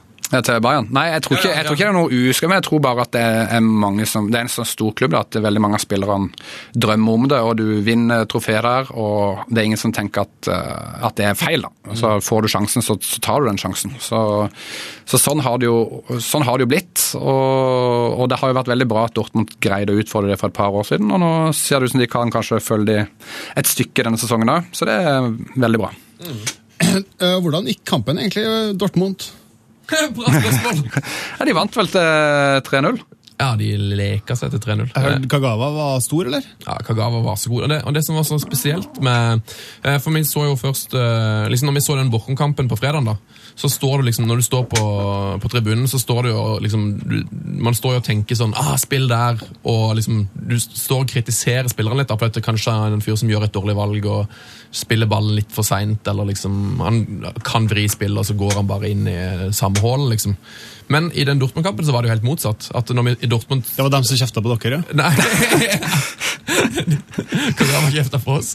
Men, eh, nei, I Bortenkampen så gjorde spilleren feil, men i den Dortmund-kampen så var det var altså det var ingen spillere som gjorde et eneste feilvalg i løpet av 90 minutter. Det var helt, eh, helt eksepsjonelt. Og til og med noen ganger når de, liksom, hvis du trodde de spilte seg fast, så gjorde bare Kagawa så bare hoppa han over ballen, og så plutselig så var de alene med keeper. Det var sånn ja, det var helt, eh, helt spinnvilt. Jeg synes dette er så imponerende. Først så var dere på eh, Bochum Düsseldorf 1-1 på fredag. Yes. Og så var dere på Köln Borussia Mönchengladbach på lørdag, og det endte 1-0 til Køllen. Og da, og da, og, og da fikk jo treneren, ga jo treneren til Gladbach seg etterpå, da. Det må jo sies. Så han uh, steppa ned, da. Og så vant de 4-2 kampen etterpå med reservelagstreneren. Men, men han, eh, hva heter han eh, treneren til, til Gladbach? Han som uh, gikk. Lucien Favre. Ja, og han, eh, det må du forklare, for det skjønte ikke helt. Men han, uh, de ville ikke han skulle gå, men han sa opp allikevel. Ja, jeg tror det Det, er jo, altså, det vet jeg ikke. Jeg, jeg er jo ikke i styret der. Men de sa jo at uh, Jeg er ikke det. Jeg burde vært det, selvfølgelig. Men han, han sa opp. Han sa at han sa opp, og så sa de at nei, vi vil ikke godta, vi vil ikke godta oppsigelsen. Og så gikk han bare offentlig med det istedenfor. Ja, så Han gikk først til styret og sa 'jeg sier opp', og så sa de er det nekter vi, og så bare Mm. sa han til pressen 'jeg Ja, slutter'. jeg slutter, og da var det liksom ingen vei tilbake. da. Men det er i hvert fall den offisielle, det var det offisielle som kom fra, fra klubbledelsen. da. Mm. Så kan det jo være at det er noe annet som ligger bak, men han, eh, han valgte å trekke seg tilbake. da. For det, Han har jo egentlig vært en ganske stor suksess i den klubben. Eh, For De har liksom plutselig, blitt et skikkelig topplag. Ja, han eh, redda det jo fra nedrykk når han tok over, og så har de eh, liksom gått eh, oppover og oppover. F.eks. Marco Royce har jo hatt han som trener, og- og Marco Royce eh, har jo sagt at det er liksom han som, som tok meg til det nivået som er på nå, liksom. Eh, Og ja, han er veldig, veldig spennende trener. Veldig god venn med Arsen Wenger, faktisk. Ok. Så vi får se. Det, det, det er jo litt dumt at det har gått sånn denne sesongen her, for han var jo f.eks. linka både til Dortmund og til Bayern München når de skulle ha nye trenere, så vi får, eh, vi får se. Mhm. Eh, på det Gladbach-laget der eh, så så vi kanskje Eller iallfall den spilleren som jeg syns var den beste. Eh, ikke, eller Den Dortmund-kampen var jo ganske vill, da, men han eh, Rafael på Gladbach Mhm. Det er sånn Når du ser en spiller live, så ser du liksom hvor jæsla god de er. da Og han, eh, han var mye bedre enn jeg hadde, enn jeg hadde trodd. Ja, han er jo en eh, favorittspiller, han. han er Kanskje er det, det er sånn som er lov å så- så- Det er en sånn fin eh, diskusjon, da. Hvem er den beste spilleren som aldri har spilt landskamper? Som spiller i dagens fotball, da. For det, det er så lett å få, få landskamper, liksom. Men han har ikke spilt for Brasil, men han er en eh, vidunderlig spiss. Hvem er den beste du kom på, Lars, som aldri har spilt landskamper? Ikke si Rune Ertsås nå fra Nei, nei, nei. Steinkjer. Jeg blir svar skyldig, altså. Ja, det er veldig vanskelig. Ja, men vi kan jo si at det er Rafael, da. Rafael, ja. Verdens beste spiller som ikke har spilt landskamp. Verdens beste eh, spiller som har spilt landskamp, det er kanskje Robert Lewandowski. Uh, Iallfall i andre omgang denne uka her. Det var jo helt, eh, det var jo helt beyond alt mulig, da. Hva som skjedde? Hva som skjedde? Alle vet jo hva som skjedde. Han skårte fem mål på ni minutter. Kom inn som innbytter. De la under 1-0 mot uh, erkerivalen fra forrige sesong, Wolfsburg. Wolfsburg vant eh, 4-1 i eh, den forrige kampen de spilte i Wolfsburg. da. Uh, nå var det jo på Allianz Arena, men, eh, og leder 1-0. Og så kommer han inn og bare banker inn fem. Og det var jo fine mål òg. Ja, det var dritfine. Så nei, det var, det var stort. Jeg syns jo det er litt spennende at dette kanskje kan liksom markere slutten for, for Wolfsburg, da. Eh, og det blir litt sånn symbolsk at de rakna der på, med fem skåringer av Lewandowski på ni minutter. Og så har jo Volkswagen-konsernet fått seg noen skikkelige problemer med denne diesel... Dieselgreia. Dieselgate. Dieselgate. Og, og, og Wolfsburg, som kanskje ikke folk vet, men det er jo da eh, Det er jo bedriftslaget til Volkswagen. Mm. Eh, Så der er det veldig tette bånd mellom eh, Volkswagen og Wolfsburg. Hvis du er på stadion der, f.eks., så kikker du bare over til fabrikken. De ligger vegg i vegg. Ja. Det var vel en kjent herremann som grunnla den eh, byen, rett og slett? Ja.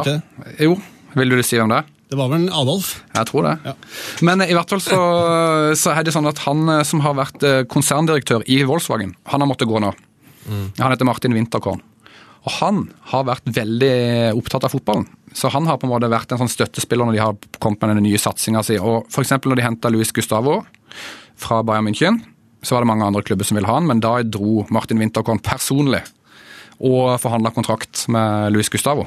Eh, samtidig som at eh, Martin Winterkorn da Jeg vet ikke om han gjorde det da, men nå så sitter han styret til, i styret til Bayern München. Fordi eh, Volkswagen, eh, Volkswagen Er inne der òg? Ja, for Volkswagen eier Audi. Okay. Og Audi eh, eier eh, deler av Bayern München. De eier 8 Mhm. Så da har de da en plass i styret. Eh, og, og Volkswagen eh, Nå er vi i gang igjen. Volkswagen har jo da et annet problem, for de eier jo da egentlig tre klubber i Tyskland. Noe de som egentlig ikke er lov til. De Ah. eier jo Wolfsburg. De er medeiere i Bayern München. Og så er jo Ingolstadt og Audi, jo Audi inni der. Audi Stadion heter jo annet Audi Sportpark i Ingolstadt. Yes. Så hva som skjer nå, med ny styreleder og, ja, og store økonomiske problemer for eh, Volkswagen, som vi kan vel regne med at de kommer til å få, så kan det jo være tror de at skulle få 150 milliarder i bot, eller noe sånt, så, så det kan godt være at de kommer til å slite litt økonomisk. ja. Så de fikk i hvert fall penger ut av Kevin De Bruyne da, før han gikk. Ja, men det spørs om det holder, da. Ja. Det blir ikke lønn til lord Bentner framover. Nei, kan bli dårlig med lønn til lorden. Men um, er det sånn at eh, måte- Det er jo utrolig synd for den klubben, da, for de er- var egentlig skikkelig på vei opp nå, i ferd med å liksom bli det- kanskje den, kanskje den største utfordringen til Bayern München. Ja, i hvert fall på kort sikt. Jeg tror ikke på lang sikt at de har mulighet, for det er ikke, det er ikke en sånn klubb som, eh, som har den store appellen i Tyskland. da. Eh, f- eh, fordi at de er Som jeg snakka litt om i stad, så er alle klubber i Tyskland eid av medlemmene. da. Men eh, ikke Wolfsburg, ikke Leverkosen og ikke Det er en klubb til Carl, Carl, Carl Zeiss Jena, er det ikke det det heter? Så, for det er sånn gamle fabrikkslag, så de har fått lov til å være med i serien allikevel, selv om de ikke liksom er medlemsstyrt. da. Og det er liksom så uglesett da, nede i, nede i Tyskland der. Og hvis du, altså, På forrige Champions League-kamp så hadde vel eh, Wolfsburg hjemme, hjemmekamper under 20 000 tilskuere på tribunen. Ja. Og det er jo lavere enn snitt i andre Bundesliga. Det er ikke det helt store, nei. Så det er ikke det store. Så det er, ikke en, for det, så det er litt sånn at Köln er faktisk en større, mye større klubb enn Wolfsburg, men bare mye, dår, mye dårligere. Ja, det er Dortmund Bayern München. Hamburg er jo kjempesvær klubb. Og de er jo dårlige. Ja, nå er jo de dårlige, men nå har jeg faktisk gjort det ganske bra i år, da. Mhm. Så det er jo eh, Plutselig har det snudd, uten at noen skjønner helt eh, hvorfor de kvitter seg med van der Fart. Kanskje det var det? Ja, kanskje det. Kanskje det hjalp. Kanskje det hjalp. Nei, eh, det er mange, det er mange altså, Det er ikke noe tvil om at Bayern München er den største klubben i Tyskland. Eh, og jeg tror akkurat for øyeblikket så er det ikke noe tvil om at Dortmund liksom er nummer to. Men så bak der så er det veldig mange mange store klubber. Men uh, Tyskland er et land på 80 millioner innbyggere. Så det er klart at det, det er jo store forhold uansett. da. Mm. Jeg tenkte jeg bare skulle gå gjennom eh, Lewandowski-rekordene sånn kjapt, og så kan jo dere bare fylle på hvis dere kommer på noen flere, for det var så besatt med rekordene satt. Eh, Det var det raskeste hat tricket i eh, Bundesliga-historien. tre 3 minutter og 22 sekunder, noe sånt. Eh, Den døde var jo det raskeste, den raskeste spilleren som hadde skåret fire mål. Eh, Og det var selvfølgelig òg den raskeste til å skåre fem mål. Og så er det gøy, for han var innbytter. Så han er den raskeste hat trick han innbytter. Raskeste fire mål han innbytter. Raskeste fem mål han innbytter. Da er vi oppe i seks rekorder. Eh, og så var det òg eh, Han var den første til å skåre fem mål på over 20 år, tror jeg. I Bundesliga. Apropos, apropos Lewandowski. Midt i, i Lewandowski-showet så ringer telefonen. Og der eh, vår, vår venn Åge eh, Hareide? Eh, En annen Åge han ringer meg og sier Nå, Lars. Ja. Ser du Robert? Ser du hvor han holder på, han Robert? Herre må, vi, herre må vi hylle, herre må vi lage en sang på, rett og slett. Så sendte han meg et utkast til, en, eh, til et uh, refreng her. Jeg lurer på om du har det klart? Jeg skal finne det fram. Fordi han er jo så flink, han Robert, at vi må jo lage en sang. Og da sendte han meg uh, en fil, han Åge. Ja, hvem, hvem Åge er det? Er det Åge Aleksandersen? Det er jo fantastisk, da. Jeg lurer på Om Åge har lagd en eh, Lewandowski-låt. Ja, vi får høre. Vent, vent, vent litt. Ja.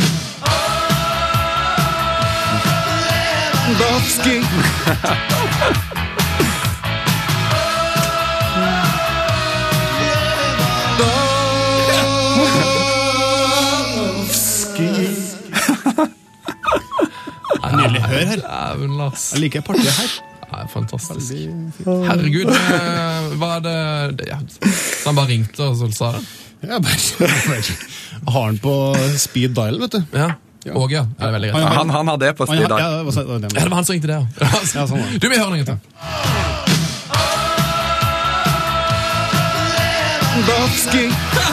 gang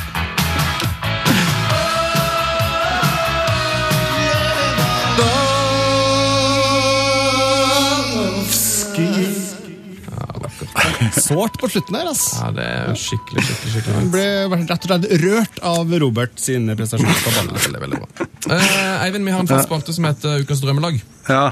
Eh, jeg, vet, jeg vet at du ikke har fått oss særlig tid til å forberede deg, men på, har, har du tilfeldigvis med deg et lag fra, fra bak, eh, Baku, eller? Om ikke et lag, så har jeg i hvert fall eh, en liste på noen folk som Som er liksom en eh, type spillertype som vi har faktisk ganske mye av i Norge. da. Ok, så bra. Ja, Viktig, viktig type som eh, eh, Som er viktig for alle lag. Det er han som ikke utmerker seg så veldig, men som på en måte alltid gjør liksom grovjobben, da.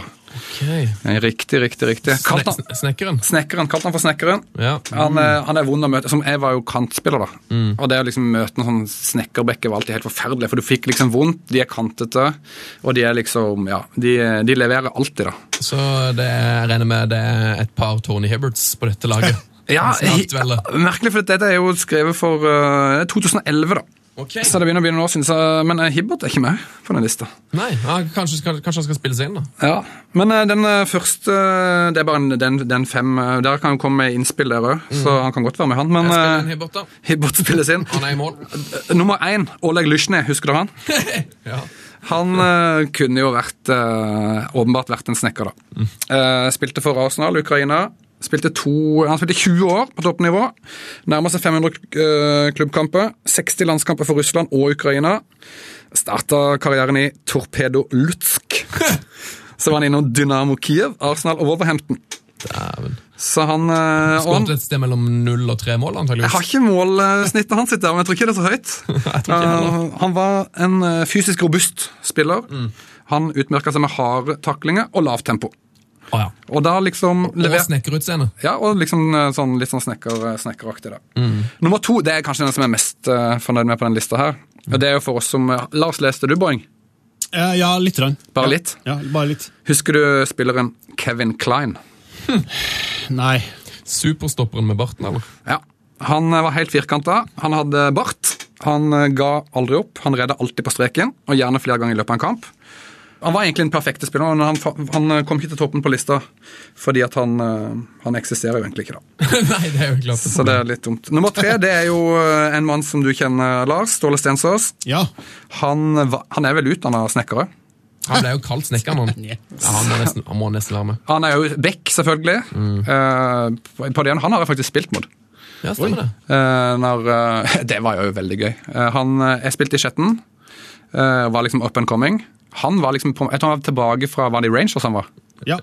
Og så var han liksom, havna på reservelaget til Rosenborg, måtte spille mot oss.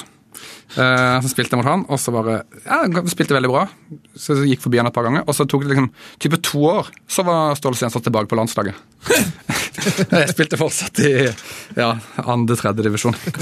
Så sånn går det å gå. Men han eh, var med på den lista. Tom Høgli. Han er jo akkurat samme som uh, Stensson. Du skjønner jo hvilken type spillere det er, da. Ja, Gode, trygge folk. Trygge folk. Store hjerte. Ja. Det er rart om ikke halvparten er i Glory Hallen, egentlig. Ja, de, jeg hører mange av disse her til å komme, kommer til å komme der. Kevin Klein er jo typisk uh, Glory Hall-spiller. Eh, kan, kan man si at du føler deg forbigått i landslagskø her, eh, Sunne? Av Ståle Stensås? Ja. Nei, det gjør jeg ikke. Jeg tror jeg hadde den, eh, den overskriften nå. Ja, ja, ja. Jeg var bedre enn Stensås. Nei, var det på Skjetten kunstgress, var det i et eh, lite sekund der. I en halv omgang. I en halv omgang, før han fant formen og var tilbake på landslaget. Du, Jeg hevder til Jon Arne Riise at eh, du har spilt mot han òg. Ja, det har jeg. Åssen gikk det? Uh, det kan jeg fortelle deg om. Det var egentlig, ja, det er sikkert ikke så interessant for så mange. Det var sånn, uh, Han spilte på U18-landslaget. Mm. Og jeg er ett år eldre enn han. Eh, de hadde sånn, sånn treningskamp, de skulle spille sånn kvalik mot Tyskland. Eh, så jeg skulle da bli henta inn for å være sånn, spille på Tyskland da, i en sånn treningskamp. Eh, på Voldsløkka. Er det sant? Det er sant. Og, det, og Tyskland spilte da 3-5-2. Og da skulle jeg spille høyre kant da, mot, uh, mot Riise, som var venstreback. Og etter ett minutt så tok jeg tunnel på Jon Arne Riise. Det, er- det er jeg kanskje mest stolt av i hele mitt liv. Og så var, hadde 89 minutter hvor jeg løp etter John Arne Riise. jeg var helt kjørt. Jeg tror aldri jeg har vært så sliten i hele mitt liv. Jeg ser for meg at han har bedre kondis enn det. Han har, jeg tror han har jo bedre kondis enn alle. Han var jo drit, han var fantastisk god, da. Så jeg hadde liksom ett flaksetouch, og så ble jeg rundspilt resten av, de, resten av kampen. Så det må egentlig være et, eh, et sånn slags leveregel for alle der ute. At eh, det hvis, du, hvis du møter en fyr som er jæklig god, ikke sett tunnel på han etter ett minutt. Nei, jeg tror ikke det. Jeg, tror det, jeg burde bytta meg sjøl ut eller noe. Ja. Det, det var, men han Nei, jeg, jeg, jeg regner ikke med han husker det, men jeg husker det jo godt, da. Ja, han har sikkert spilt uh, viktigere kamper. Sannsynligvis. Det er en av dine største, største kamper? Ja, dette er en av mine. Det var en av, absolutt en av mine største kamper. Nei, strålende. Mm. Jeg husker selvfølgelig opprykket til, fra fra MK fra andre til første divisjon, hvor du var med. Ja. Det, var jo, det er jo en stor kamp, men den er kanskje ikke, ikke det er jo det er jo ikke sånn Champions League som Risa vinner. Nei, det er ikke det samme. Men vi fikk eh, Det er kanskje ikke så mange som husker, men vi fikk eh, politieskorte inn til Mandal den dagen. Ja, Vi hadde spilt eh, bortekamp mot Det var Løvhamn borte. Og så landa vi på Kjevik, og så kom, kjørte vi buss til Mandal. Og så typ mellom Mandal og Kristiansand så kom politiet og møtte oss, og så kjørte vi med blålys inn i byen. Var det stort oppmøte i byen, eller? Blant folk? Ja, det var enormt. Ja, det var, ja, vi, var ikke, vi, ble, vi, var ikke, vi sto ikke liksom på trappa og ble jubla, men det var mye folk ute på, På kvelden, da, ja. Ja, det tror jeg på. Det var jo fotballfeber. Du, det, det må jo sies, du var jo veldig heldig med den tida du var MK, for det, var liksom, det er jo den tida hvor MK har vært på sitt aller, aller, aller beste. Ja, det var masse, masse gode spillere, og det var, veld- det var jo veldig gøy. Det var jo masse, altså det var mye, altså Hvis du ser eh, folketallet i Mandal kontra tilskuertallet, så var det jo et veldig høyt snitt. Ja, 6000 på MK Start, Lars. Lars. Og hvor mange bor det i Mandal kommune? 14 000-15 000? Noe sånt. Det er ganske bra. Det er som om det skulle vært 130 000 på Rosenborg Cup. Akkurat samme. Ja. Em, vi har vært på fotballtur, eh, og da kjøpte vi oss med Eivind var i supportersjappe og kjøpte oss litt ting. Eh, Min far kjøpte en Dortmund-lue som var ganske stilig. Ja, den sa jeg. Det, det var fet. Faren din er fet. Eh, Deres, da. Ja, eh, han er rå type. Og mm, jeg kjøpte meg en eh, Bochum-drakt. Eh, Som var veldig veldig fin. eh, Lyseblå. Hva, kjøpte du med deg nå, Eivind, fra supportersjappa? Jeg kjøpte bare en uh, drakt til dattera mi. Mhm. Em, hvilken drakt da? Var det Borchum du gikk for? Ja, det var ikke en drakt, egentlig. Det var en T-skjorte med en, en kanin på med en ball. Kan jeg forresten, kan forresten anbefale eh, Bochum merch. De har, eh, for de har utrolig, den Stadionet er veldig fin, den bør dere google. Utrolig fine lyskastere på den stadion. Og det er liksom Bochum-fansen veldig stolt av. da, så dette, På noen av Bochum-merchen så er det bare den, der, eh, den lyskasteren som er, som er bildet Å, på ja, det T-skjorten. et slags uh, symbol for For, for klubben. Men det er med en gave til det, Lars. Nei! Ja, det vet du. Hva Kan du i tro hva det er? Ja, jeg har en liten anelse. Å nei, er det kopp? Det er kopp! Krus! Er! Bochum Krus! Yes! Oh. Og den kan nei, du ta- å nei, å nei. Så har jeg, jeg kjøpte en topakk, så vi kan jo eh, ta en hver. Så kan jeg ha den eh, blå eller den hvite, så kan du få den blå eller den hvite. Du kan velge Du kan, kan du velge der hvilken syns du var finest, hvilken du hadde mest lyst på. Her står det jo På den hviten så står det blå skrift Sig. Og det kan jo trekke paralleller, men siden jeg heter Lars, så kan du si hei, Lars. Samtidig som jeg sier skål med Sig-koppen. Er ikke det lurt? Hei, Lars! Heil. Lars. Står det heil på den andre, eller? Det står eh, Ich möchte nicht über das Wochenende sprechen. Ok, Hva betyr det? Eh, Jeg Jeg vil ikke se, jeg, jeg möchte nicht über das Wochenende. Wochenende er jo helga, i hvert Ja. Å snakke Jeg vil ikke snakke Kanskje jeg, må- jeg vet ikke, noe med er veldig glad at ikke det sto heil. Det hadde ikke vært noe gøy hvis jeg hadde kjøpt Sig helikopter. Nydelig! Tusen takk, den var jo kjempefin. Ja, vær så god. Hvor mange, nå har du kopper fra hvilke andre klubber? Jeg kan jo si det til de som hører på Grunnen til at jeg kjøpte kopp, er at når du var på Millwall-kamp for noen år siden, så fikk jo jeg Millwall-kopp av det. Nå føler jeg liksom at uh, nå er jeg tilbakebetalt den gaven, da. Ja, ja kjempebra. Uh, altså, har jeg et mål om å være Når jeg er på en utenlandsklubb, så kjøper jeg en kopp, da. Mm. Eller cruise. Så har jo Liverpool, Westham, Tottenham uh, Shorley! Mm. Shorley kopp, ja. sånne, sånne ting. Og nå er jeg Bochum òg, og det, de får jo æresplass, den. Det er ikke verst. Skal vi stikke til breddefotballen, da, kanskje? Det kan vi gjøre. Er du ferdig med snekkerlaget? Ja, Jeg fikk ikke noe innspill, da. Nei. Jo, Men, jeg eh, har et, et innspill. Jeg har, Tony- jeg har, du må ha Tony Hibbert på en tre-fire plasser. Ja. Hvem som skal skåre målene, da? Hibbert. Lars? Nei, eh, klubbsangen må jo selvsagt skrives av Carpenters. Ja, ja, ja, ja. Steinkjer, Steinkjer, Steinkjer. Det er ingen som vi, som fotballag som vi. Gå på, så skal vi slå. Ingen kan slå SJFK. Velkommen til oss. Tusen takk. Ja, Du har vært der i hele dag, så det er kanskje litt, uh, kanskje litt overgitt å si velkommen. Men uh, velkommen som eh, breddefotballsjef. Ja, Velkommen til ny spalte. Yes, Hva skjer i breddefotballen for tida? Uh, vi har jo fått tips fra vakre lyttere på uh, f.eks. på e-post. Ja, Fortsett gjerne med det. Heia fotballkrøllalfa.nrk.no er vår e-post. Og vi har fått et tips fra jeg lurer på han eh, Vegard Nomerstad. Han har tipsa oss kanskje tusen ganger. Nydelig. Ja, han er en veldig, veldig fin lytter. Heia fotball, og det er nydelig. Han har sendt en lenke da, til en sak fra Ringsakerbladet igjen. Ja, Ringsakerblad de har mye bra fotballstoff. Ja da, eh, og det er da eh, Overskrifta går som følger Snapchat-forbud i femtedivisjon. Nei, er det blitt innført Snapchat-forbud nå? Ja, Det er da nybygda mot Gjesskam. Den endte 2-6. Hvor er det? Hvor, hvor, hvor er... Vi snakker eh, mellom Hamar og Brumunddal her nå. Ja. Ringsaker-aktig. Kjenner du til disse klubbene, Eivind? Uh, nei. Nei. Eh, nei, da, selv om eh, av, eh, sesongen ble avslutta med stil, på Tundraen, det er da tydeligvis hjemmelaget til Nybygda, men klubben har et økende problem. Uff da. Eh, selv om årets siste oppgjør i breddefotballens mekka, eh, kaller de det faktisk, endte med seier til Gjesnesstrandas stolthet, mener Fredrik Haugen det er en ukultur i laget. Okay. nå er det nok sin. Det er noen som bruker Snapchat hele tida, og den desidert verste er Espen Minkstuen.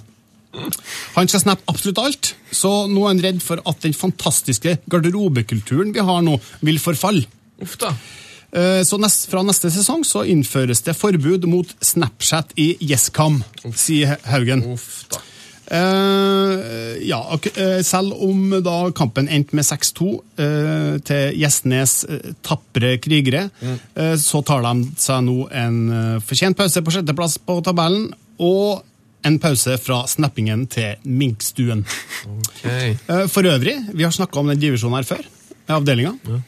Det var der, det der HamKam 2-7-er spiller. Nei, er de som er så dårlige? Og det, vi hadde vel en pod med Bengt Eriksen der vi snakka om er det Norges dårligste lag? spørsmålstegn. Så jeg har printa ut sluttabellen her. Eh, Hamar IL toerlag eh, sjuer har sluppet inn 246 mål. Nei, det er ikke bra. Var det, var det Hamar IL eller HamKam IL? eller? Hamar. Hamar, ja. Hamar IL. Ja, ja. Eh, 246 mål, det er 17,5 mål i snitt per kamp. Eh, jeg skal ikke påstå at de er dårligst, men hvis det er noen som har stats på mer innslupte mål, få, det, få det på. Inn her. Mm. Eh, Jeg vet ikke om vi rekker så veldig mye mer fra breddefotballen, Nei, ja. eh, Lars. Har du en eh, kjapp sak til? Nei, jeg har en lang sak. Nei da, vi har en kjapp sak. Det er da en um, tips fra Geir Sandvei. Hei, Geir! Eh, Lenka til Sarpsborg Arbeiderblad. Her er da en dommer som kommer rett fra Champions League til sjettedivisjon på Ise. Yes, det leste jeg Og det er bra, vet du. Fordi at eh, det er faktisk uh, snakka om tysk fotball her òg. Kim Thomas Haglund, da, er den dommeren, han gikk rett fra de eh, Champions League-oppgjøret Wolfsburg CSKA Moskva til sjettedivisjon mellom Ise og Yven i Sarpsborg. Eh, Så står det her, da, det Kontrastene er enorm, men han la inn masse uh, effort, eh, innsats, i å komme på å rekke den kampen rett etter uh, Champions League-oppgjøret. Så han spurta nærmest fra Gardermoen og rett til eh, oppgjøret i sjette divisjon. Ja, det er strålende. Så det er nydelig, og da liksom jeg spør avisa her, hva er det som er forskjellen da, mellom å være assistentdommer i en Champions League-kamp med over 20 000 tilskuere og en kamp på IC med 15 tilskuere? Og så- 15. Og så svarer hun her. Nesten Ja, de, de har telt, ja.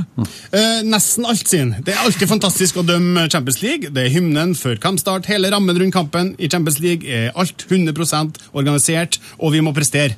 Det presset har vi til sjette divisjon i, i Sarpsborg. På iset var det ikke grønn gress engang. Men begge deler er fotball, svarer Haglund. Så det var, ikke- så det var ikke hymne på iset, altså? Nei, jeg hadde håpa på det, men de hadde ikke høyttalerne i orden. Ja, det er strålende. Har du noe å melde fra breddefotballen, Eivind? Nei, litt av det mye Min gamle klubb Bærum er jo, sliter jo litt om dagen, men det er jo ikke kanskje breddefotball, da. Selv om det er på vei ned. Eh, hvordan har, du bor jo ute i Drammen. der er det, Går du på noen kamper der på noe lavere nivå? Det har jeg ikke gjort uh, ennå, det må jeg få gjort.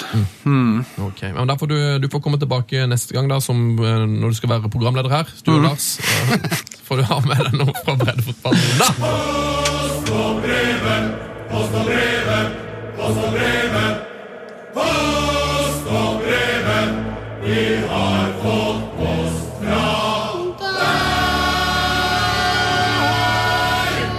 Ja, velkommen til Post og brevet. Eh, Jeg har fått veldig, veldig veldig mye fine post og brev i det siste. Eh, Jeg har fått en mail her fra Martin Lillalta. Og han har sånn her lik mail like godt. Det står ingenting eh, tekst i, i brevet. Han har bare kommet opp med en god idé, så han sendte i emnefeltet en, en liten morsom ting, og så har han lagt med et bilde. Og Han har sendt oss et bilde, og i emnefeltet så står det Simon Mignolet Jacobsen. Simon Mini Olje Jacobsen. Og det bildet er såpass gøy at jeg tror vi kommer til å dele på vår eh, Instagram-profil, eh, Lars. Ja. Ehm, har du fått noen eh, brev denne uka, her, du, Lars, som du vil ta for, for deg? Uh, nei, jeg trodde du skulle ta den. Jeg kan ta det! Uh, jeg bare utsatt litt der mens jeg bladde i bunken, så det var bare for å drøye tid. Her kommer det en mail fra Marius Snådal Nordsæter. Nei, det gjør det ikke. Det her er veldig rart. Eh, han har nemlig underskrevet mailen med Rudi Gåsemyr, men navnet sitt står her som noe annet. Så det er veldig rart. Hei, hei, fotball! Jeg har et spørsmål som jeg kjenner det verker i levra etter å få svar på. Har det noen gang skjedd at en spiller har fått gult kort for drøying av tid mens laget hans har ligget under? Det er kanskje Eivind er mer rett mann å svare på? Du som følger fotball tett. Ja, eh, det var verst at eh, Skjedde ikke det nå nettopp, da? Jeg gjorde ikke det. Jo, gjorde ikke det det? Var det ikke en eller annen keeper der som, eh, som gjorde akkurat det? Jeg tror det, er det, var nå, det her skulle vi visst, men er det, det, her, det ringer noen bjeller. Kan det ha vært noen Mjøndalen-kamp eller noe? Det var veldig snodig. Veldig snodig. Eh, så Ja, det har skjedd. Rudi, det har antagelig skjedd. Utrolig nok. Eh, så er det en siste mail her fra Henrik. Han sier at han har en regelendring, eh, og den syns jeg er ganske bra. Du kan jo forholde deg til den her, Eivind. Eh, han mener at eh, man bør lage 16-meteren mindre. Han mener her, her ser han nesten kun positive ringvirkninger. 16-meteren merkes opp på nytt eh, fordi den er så brei. Den burde ikke være bredere enn 5-meteren. Det var mye smalere 16-meter. Da. Eh, da slipper man altså det her innlegg eh, hens blir straffe-diskusjonene. Da vil det jo i så fall bare bli et frispark. Mhm. Ganske bra. Jeg mener at det vil bli mye mer farligere frisparksituasjoner fra sida. For du vil få en ny frisparkdimensjon der. Og så slipper du at keeperen tar med seg ballen ned i hjørnet av 16-meteren for drøying. Ja. Nei, Det var egentlig et eh, veldig spennende forslag, er det ikke det? Jeg synes det er egentlig helt topp. Ja, det, var, det går jeg for. Men eh, det, det kommer jo aldri til å skje. Nei, det. Men kan det aldri bli straffe, da? Eller? Jo, det vil jo, det vil jo bli det, men det vil jo være mer sånn um... oh, ja, de skal være like langt ut, Ja. men ikke Bare, så bare bli smalere. Ah. Eh, dermed færre straffer og færre mål, sier nå et minus. da. Eh, og så må man jo merke, jo, ta en ny oppmerking av absolutt alle fotballbaner i hele verden. som det jo kanskje vil. Ja, Så ser det jo dumt ut, da. Ja, det kommer til å se litt dumt ut, så jeg tror kanskje det er det største aberet her. Eh, men eh, bra forslag. Har du, ja, du har jo spilt litt ball sjøl, Eivind. Har, du- har du tenkt på noen regler du kunne tenkt deg å innføre i fotballen? Åh, dette her kom, til, kom litt uh, kjapt på. Jeg, har aldri, aldri, jeg syns alltid offside var noe dritt, men uh, det kan ikke ta vekk der. Den, uh, den er jo dum. Ja, den er Hens-regelen den kan vi jo diskutere i 100, den er jo helt dum, den òg. ellers er det vel ikke så mye jeg kunne Jo, innspark syns jeg hadde vært litt gøy, hva? Ja. Istedenfor innkast. Jeg skjønner ikke det. Det er ikke noe vits i å bruke hendene der. Det hadde jo altså det hadde, altså Måtte ha gjort det kanskje si at du eh, når ballen er ute til innkast, så må du få den inn igjen ganske fort. da. Eh, så du kan ikke bruke, bruke lang tid. Så du kan ikke sette opp et sånn der eh, corner fra overalt på banen. Ah, ikke sant? I fem sekunder, for eksempel. Ja, du må få hivd ballen inn på banen innen fem sekunder. Mm. Hvis ballen er tilgjengelig. Eh, men ellers så kom jeg ikke på noe her i farta. Du, Jeg syns det var veldig bra kommet på i farta. Ja, ja, ja. Takk.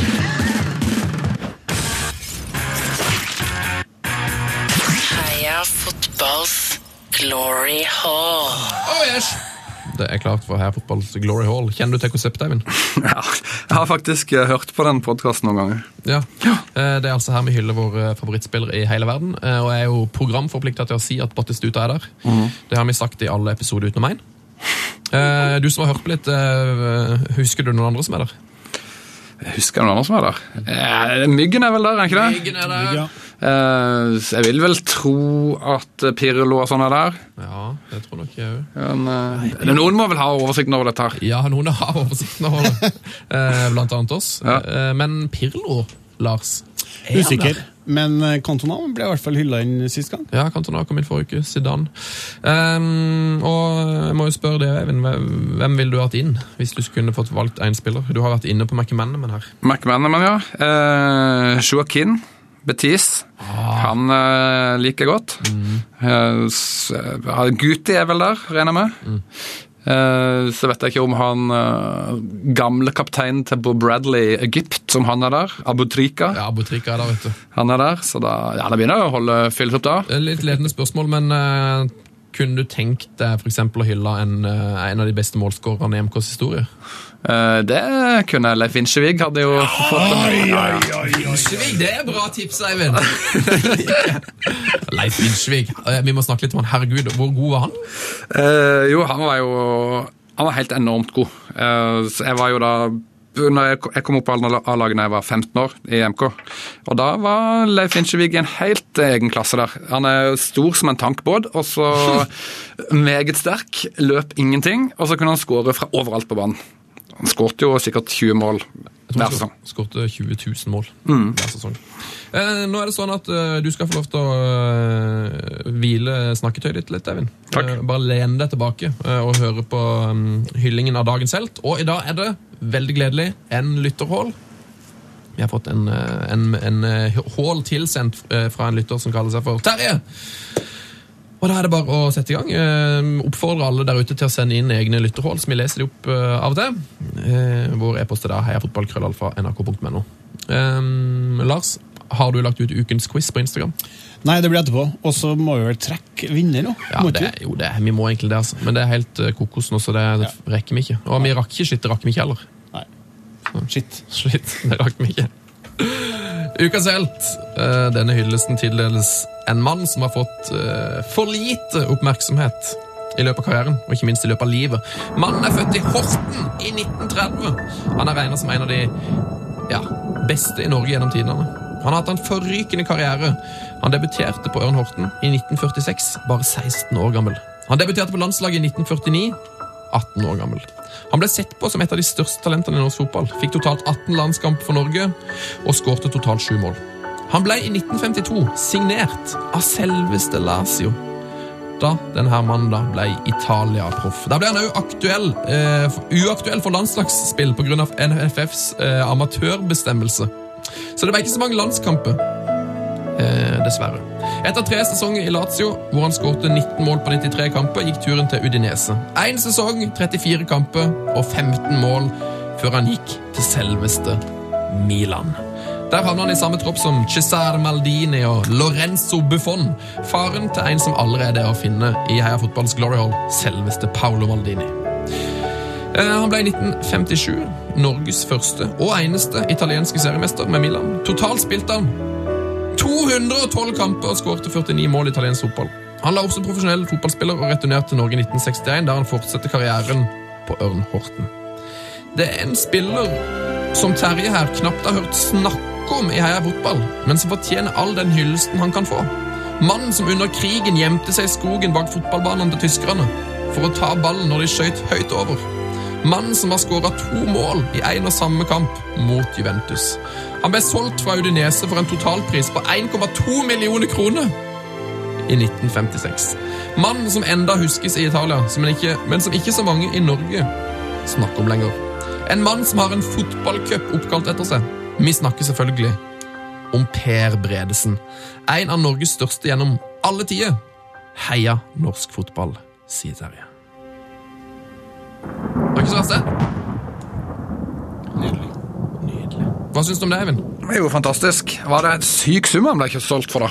1,2 millioner, ja. Ja, Hvis det var i, da, i den tidas penger, er jo det helt vilt.